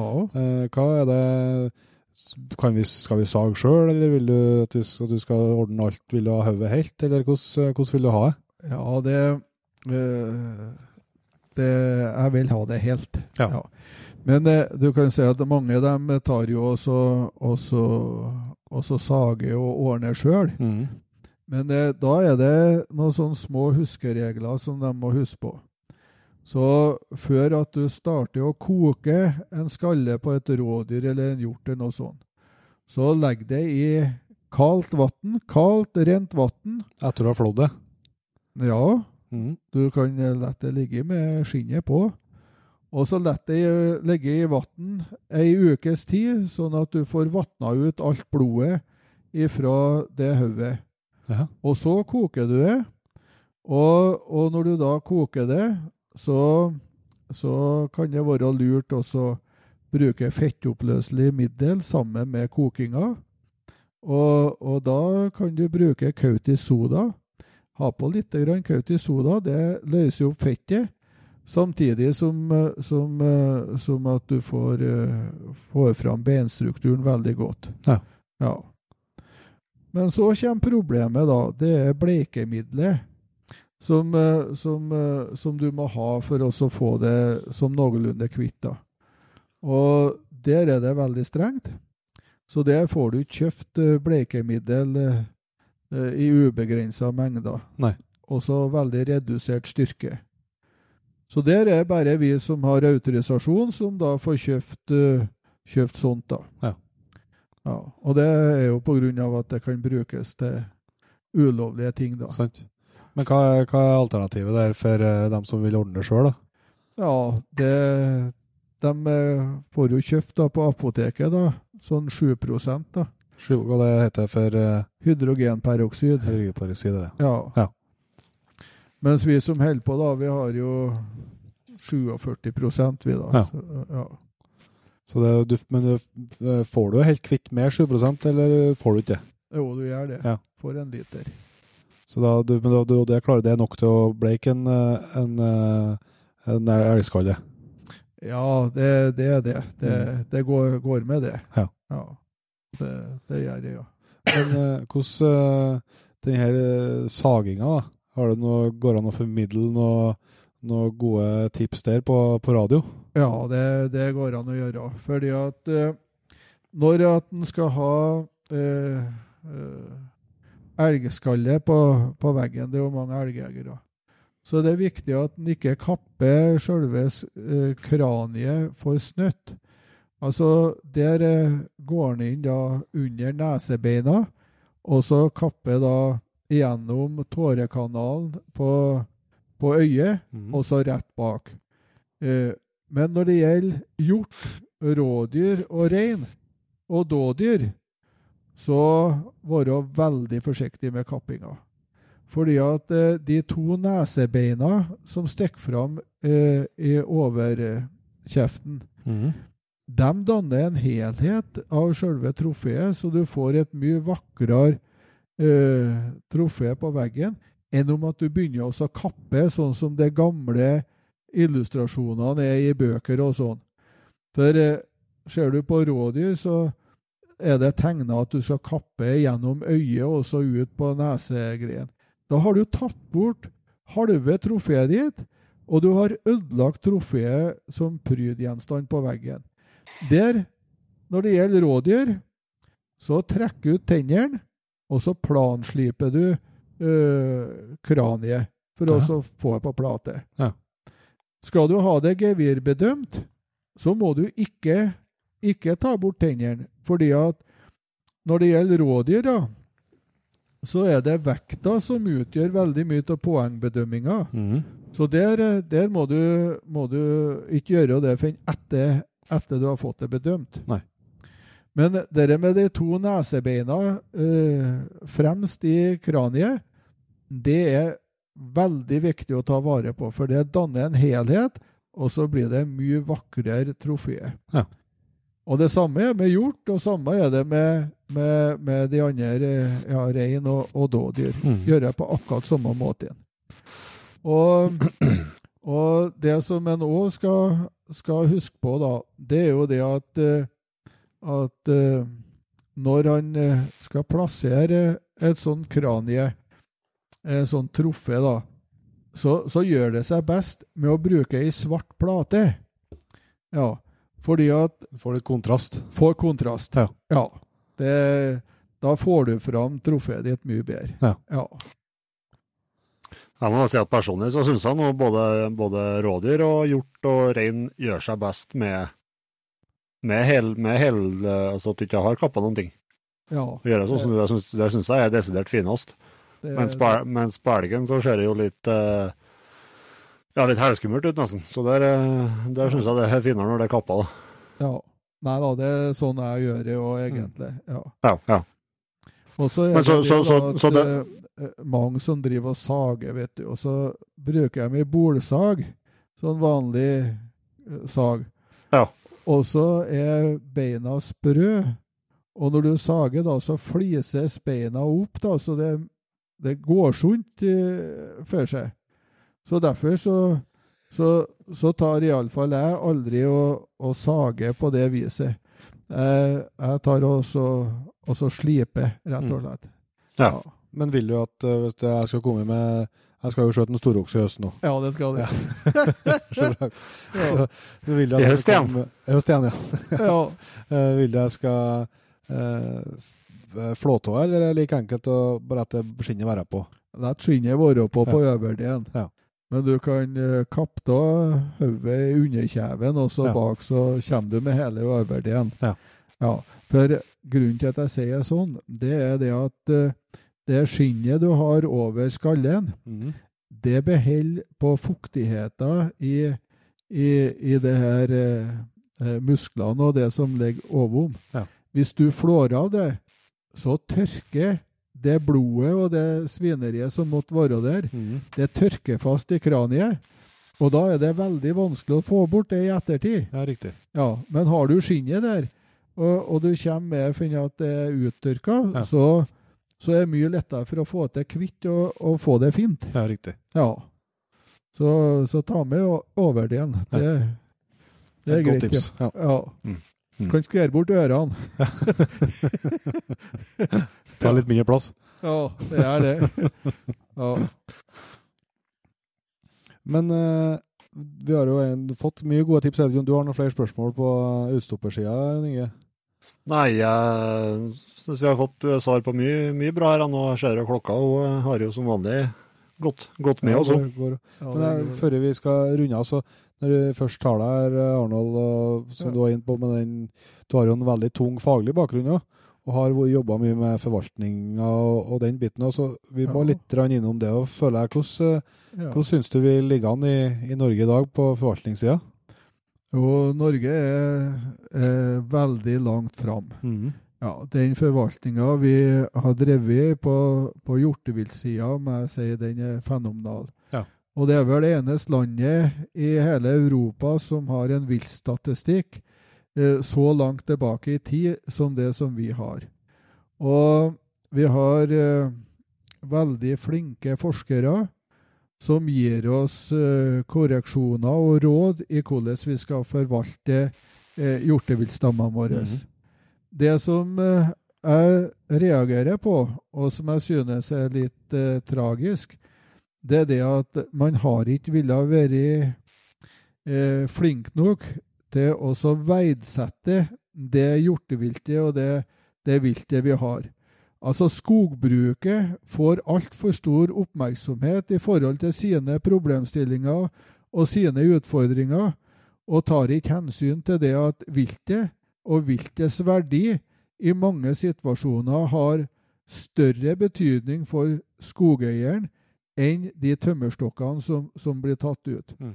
Og der er jeg veldig opptatt av det at eh, skal vi inn og høste i, i leveområdene for viltet, så er det veldig viktig at man legger vekt på å, tilfredsstille de kravene som hjorteviltet har til leveområdet, både når det gjelder vinterernæring og likedan eh, kalvingsområder og sånne ting. Mm. Og da syns jeg det at sånn som man driver på i dag, med hogstmaskiner og de her store flatene, det ivaretar ikke den interessen. Og for grunneiersida så har jo han mange innfallsporter for å få inntekter til bruket sitt for å drifte den driftsenheten. Og da syns jeg faktisk det at viltet har fått en altfor dårlig plass i forhold til de verdiene det representerer. Så her er jeg nokså klar på det at, eh, at, eh, at eh, forvaltningen må legges om på en helt annen måte. Mm. Men når det gjelder biologien og kunnskapsoppbyggingen av det vi holder på med, eh, den syns jeg eh, vi takler utrolig bra. Nå får vi jo en del utfordringer da pga. det her CVD-en, det skrantesjuka, eh, som, eh, som gjør at vi vet ikke helt hvordan vi skal takle situasjonen. Men, eh, men eh, men eh, jeg vet ikke. Det kan jo hende at vi har hatt, eh, hatt noen sånne tilfeller tidligere uten at vi har registrert det òg. Ja. Og det sier jeg med utgangspunkt i det at de eh, analyserte jo noe hjernemasse fra to elger fra Finland Mm. som har ligget på frys en 14-15 år, Aha. og der de fant, eh, fant eh, CVD, da. Ja.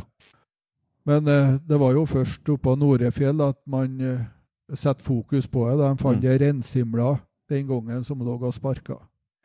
Så her er man på søken etter årsakssammenheng og, og sånne ting, men det gir jo en utfordring. Mm. Det, det gjør en skikkelig utfordring òg. Men det er jo på gamle dyr at man har fått det. Mm. Og jeg vil jo si òg det at eh, sånn som i Nord-Trøndelag, så eh, har vi jo hatt en viltforvalter her som har vært veldig flink. Kunnskapsrik og kommet med veldig gode råd på hvordan man skal hindre trafikkpåkjørsler, og hvordan man skal forvalte uh, stammene våre på en god måte. Så, Ja. så nei, det må jeg si at uh, det går skikkelig bra. Mm. Ja, Men uh, det er jo mye snakk om hva som skal skjøtes og ikke skjøtes, og mye kalv og lite kalv og, og sånt. da. Ja, det er jo Du kan si det at det, det er jo veldig avhengig av hvilke målsetninger man har. Mm. Og for at grunneiersida, det er jo dem som har jaktretten, eh, skal kunne følge opp sine mål, så er det jo innført eh, en bestandsplanlegging. Så der kan du jo få, en, eh, få utarbeidet en bestandsplan på tre til fem år, der du trekker opp hvilke målsetninger og sånne ting du har innenfor det her området. Og da eh, er det jo ut ifra den bestandsplanen om du ønsker å øke elgstammen, eller om du ønsker å minske elgstammen ut ifra forskjellige kriterier.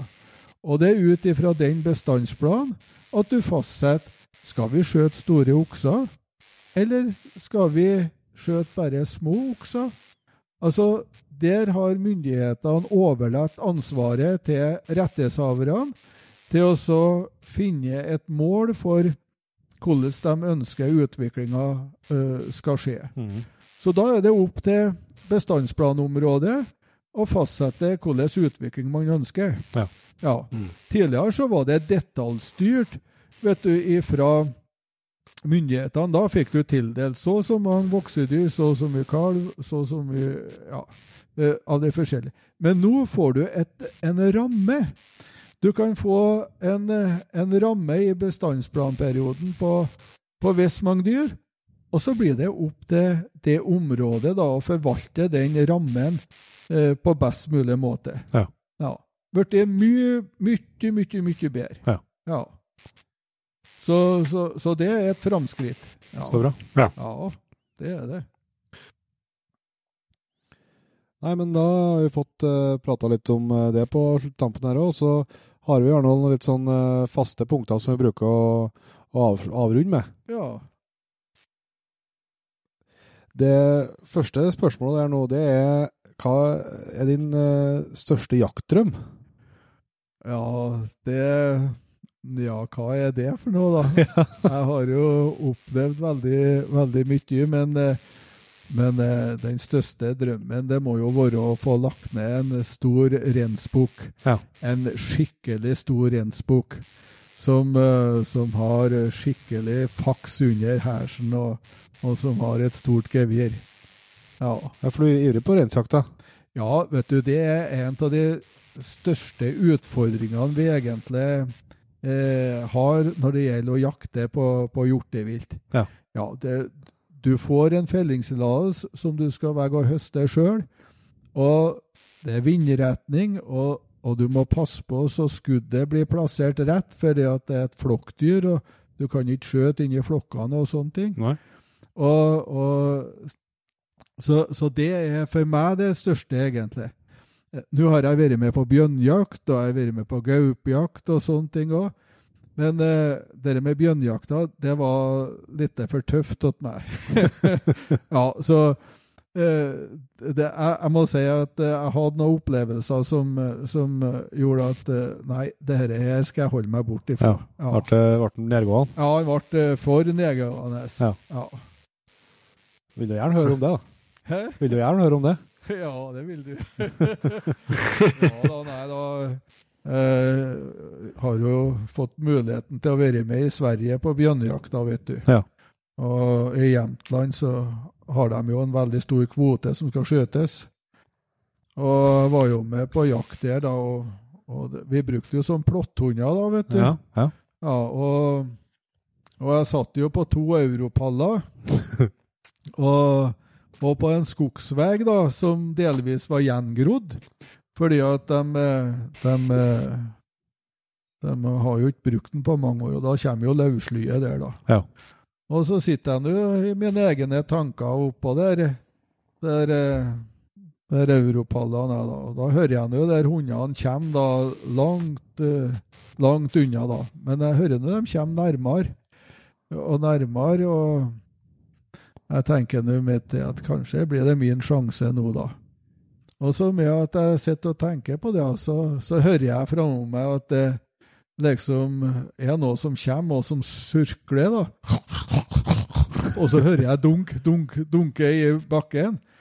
Og det kommer jo rett imot meg, da. Og jeg tar jo laddegrep og sitter klart, da. Og så, og så hører jeg det kommer veldig ned. Og så ser jeg det røres i bjørklauvet, da. Og så springer han tilbake. Og møter hundene og gjør en stor runding da, og blir skutt på en nabopost. da. Ja. Og det var seks meter ifra der jeg satt. Ja. og så sier han det svensken. Du skulle være glad for at den ikke kom fram så du skjøt på han. Ja. For uh, hadde du skutt på han, så har bjørnen vært over deg i neste øyeblikk. Ja. For sjøl om du har skutt den bra, så, så har han uh, adrenalinet og sånne ting, at da har han vært over deg momentant. Ja. Ja, så, så det var såpass sterk opplevelse, syns jeg, at eh, nei Det ble med det.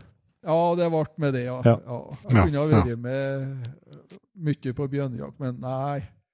Da er det mye artigere å for å fotografere bjørn, da. Ja.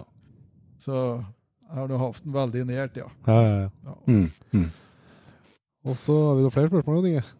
Ja, det er um, Hvis du skal med eh, de lange erfaringene fra skogen, Arnold, hvis du skal komme med, med ditt beste jakttips? Ja, det beste jakttipset, ja, det er Når det gjelder å få tak i fugl, så er det Nord-Sverige, egentlig, hvis at det Ja. Nei, vet du, sånn som det var i fjor høst nå, så var det veldig mye skogsfugl fra Vilhelmina og nordover. Ja. Og, og folk som var der og jakta, de opplevde å se mye fugl. Og de var heldige å få med seg fugl hjem. Mm. Og sånn som eh, eh, På norsk side så var det mye dårligere. Det var noen lokale plasser der det var, var litt artig, men, eh, men, eh, men eh, skal du ha de store opplevelsene, så, så, så er tipset mitt å dra nordover, altså. Ja. ja, det er det. Mm. Innenfor Lierne og inn på svensk side. Ja. Og så lurer vi på, på utstyrssida igjen. Har du noe jaktutstyr eh, som du er veldig glad i, som du kan eh, tipse videre om? Ja, det som, eh, det som jeg har med meg som eh, jaktutstyr, da, det er GPS-en. Han syns jeg er verdifull. Ja. Fordi at eh, når du går og jakter, så er du så fokusert på selve jakta at du vet snart ikke hvor hen du går hen. Nei. Og, og langt mindre hvis at du da parkerer bilen din på en skogsvei som ikke er noe kjent. Så for å finne tilbake til, til bilen når det begynner å bli litt skumt og sånne ting, så er GPS-en uh, veldig viktig, ja. Ja. Og så når det gjelder utrustning, da, så har jeg klær som er veldig mjuke, ja, som gir veldig lite lyd. Og, og det, det syns jeg er positivt. Mm. Ja. Ellers så, så har jeg nå bare vanlig utstyr, jeg, da. Det har jeg. Jeg har med meg votter og, og huv og litt mat. Litt førstehjelpsutstyr. Ja. Ja, og en kniv har jeg med meg. Ja. Så, og fyrstikker har jeg med meg. Ja. Mm. Veldig bra. Ja. Og så bruker vi jo gjerne å prøve å få til å runde av med noen jakthistorier. Ja. Og du har da opplevd noe på i skog og fjell, du òg? ja, jeg har opplevd eh, utrolig mye, kan du si, Ja. da, i jaktlig sammenheng. Både fra Rensfjellet og likeens fra elgjakta. Ja. Men jeg kan jo nevne en historie jeg har opplevd eh, under elgjakta oppe i Ongdalen. Ja. Fordi at eh, i og med at vi er i Nord-Trøndelag nå, da, så, så, så er det jo veldig nært, det, da. Og der eh, jakter vi da i, fra Gullberget og så oppover da forbi eh, Setten og, og videre oppover der. Og vi hadde hatt én okse på kvoten. Og så jaktlederen han ga beskjed om at vi får ikke skjøte okser under rått spir. Nei. Og vi bruker jo løshund. Og så fikk vi stålos da nede på Rismyra, rett opp ved Gullberget. Og han der unggutten som var med på jakt, da, han gikk jo inn på losen. Og hunden, han søyka, og elgen sto, og, og sånne ting. Og så fikk han Kalla han opp da jaktlederen på radioen, vi satt og hørte på det. Om han kunne skjøte den der oksen. Han har en tre, fire, fem takker på hver side. Og hunden står veldig bra, og, og sånne ting. Og jaktlederen da, han ville ikke svare noe på det der. Og Da kalte han opp en gang til. Og nei, han, eh, han fikk ikke noe svar. Og så tredje gangen så sa han det på radioen at faen meg, nå, nå må jeg få beskjed om jeg kan skjøte elgen, for ellers så går losen videre. Og da får vi ikke den oksen. Så sier en jaktleder ja, hvis at du, du føler at hunden er opptrer korrekt, og at det er en eh, fin okse, så ta avgjørelser sjøl om du vil skjøte eller ikke. Pang, sa det. Ja. Og jeg satt nå i ro jeg da, i der eh, kraftledningsgata og, og, og liksom eh, Ja, avventa situasjonen og beskjed om jeg kunne gå fra post og sånne ting. Og der kommer veska med en okse, vet du. Gående. Og han kom da på en, eh, ja, en 50 meter, ikke noe lenger unna enn meg. Og det var en 18-spiring. Oi, oi, oi. Ja, og da har vi nettopp skutt i oksen. Og når vi kom fram til det oksen som var skutt i, da, så var, var jeg fire eller fem bitte små takker på. da må jeg si det at liksom Nei, søren nå, altså. Ja. Men eh, da var okskvoten eh, Da var han fylt. Da var han fylt. Ja. Ja. Så, så sånn var det. Og verste av alt oppi det hele, det er det at jeg ble så paralysert at jeg ble bare sittende og måpe og så se på oksen. Ja. Men jeg hadde jo ryggsekken ved sida av meg med kamera med 400 mm lins. Og jeg var så paralysert at eh, jeg fikk jo ikke å ta opp kameraet engang. Men når elgen da har gått, så jeg så bare bakenden på den borti bjørkskogen på Da kom jeg Kamera! fanken, Hvor er det hen? Ja, men da ble det for sent, vet du. Ja. Ja, skulle ha i bilde av det, vet du. Det hadde vært artig, det der. Klart det. Nei, men det- det var en storopplevelse. Ja. ja. Det er ikke ofte en får se dem, nei. Nei, du, det er ikke det. Og så har vi holdt på og kjørt da hele sommeren. Og så fotografert og sett elger på jordene rundt omkring. Ja. Og visste det at det var storokser i området. Og så, og så skulle Helt liten en. Det er nesten så du mistenker at det er typer av de karene der de vet det. Ja, du, det er nesten sånn, ja. Ja. Ja. ja nei da, så, så han opplever litt av hvert når han er ute på jakt. Det er sånn. Mm. Ja. Mm. Men de, Her tøff, har vært en de tøffeste opplevelsene det har han når han er på rensejakt, da, vet du. mm. Ja, for, eh, for ofte når han skjøter rein, da, sånn midt på dagen eller noen sånne ting, da, så skal du flå, og du skal partere, og du skal ha det i sekk. Og da blir det som regel mørkt. Ja. Ja, når du ber ned. Så, så det kan være utfordrende, ja. Helt klart. Ja. Her har vært en kjempetrivelig stund, eh, Arnold, og ikke minst veldig lærerik. Ja, nei, jeg vet Um, Nei, jeg ser klokka, hun, eh, holder på å passere to timer nå, hun, så eh, det er ikke noe tvil om at vi har hatt med oss en, eh, en kar med mye kunnskap her som har lært, lært bort mye. Veldig artig. Så får du nå ha en riktig god jakt utover. Jo, takk for det. Det skal bli spennende. Så Ja. Det blir noe Figgadalen først nå. Ja, ja, ja. Det blir bra. Ja da. Det er greit, ja. Nei, men da sier vi tusen takk, Arnold. Ja, vær så god, vær så god. Ja, god jakt. Det var en Arnold Hamstad. Eh, at man er kunnskapsrik eh, og glad i faget sitt, det er vel ikke så, så veldig mye tvil om. Og ja, jeg lærte i hvert fall mye nytt om eh, hva han kan gjøre feil, skal jeg si, og hva han bør gjøre for å gi preparanten et så godt utgangspunkt som mulig. Mm. Ja, uten tvil. Han, eh, han eh, har jo sett en del av de dyrene han har, eh, han har preferert, og det, det, det er gode resultat. Det er ikke noe, det er ikke noe tvil om at, At når vi skulle finne en, finne en kar for å snakke med, snakke med om dette, så var det var ikke noe tvil om hvem som skulle, hvem som skulle være med på det. Nei, Og det, og det, og det, er jo- og det, er jo et, det er jo et fag som, er, som er, det tar jo tid og krever erfaring for å, for å bli god. Um, så er det Ja, det hører hører, hører du som han sa, det er jo heller på mye autorisering og mye, mye styr nå for å, for å bli godkjent, liksom. Ja, og så håper jeg at eh, det ga i hvert fall meg et innblikk i, i hvor eh, omfattende den jobben jeg faktisk gjør er.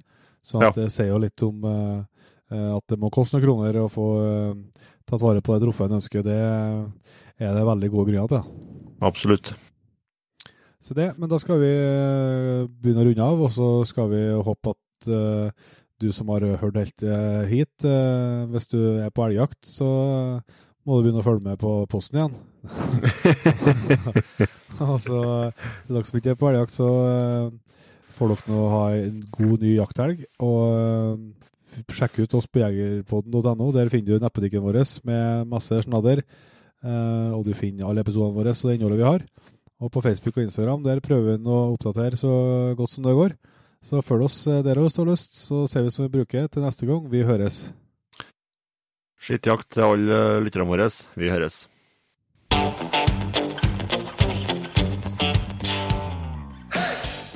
Tusen hjertelig takk for at du valgte å bruke litt av tida di på Jegerpodden.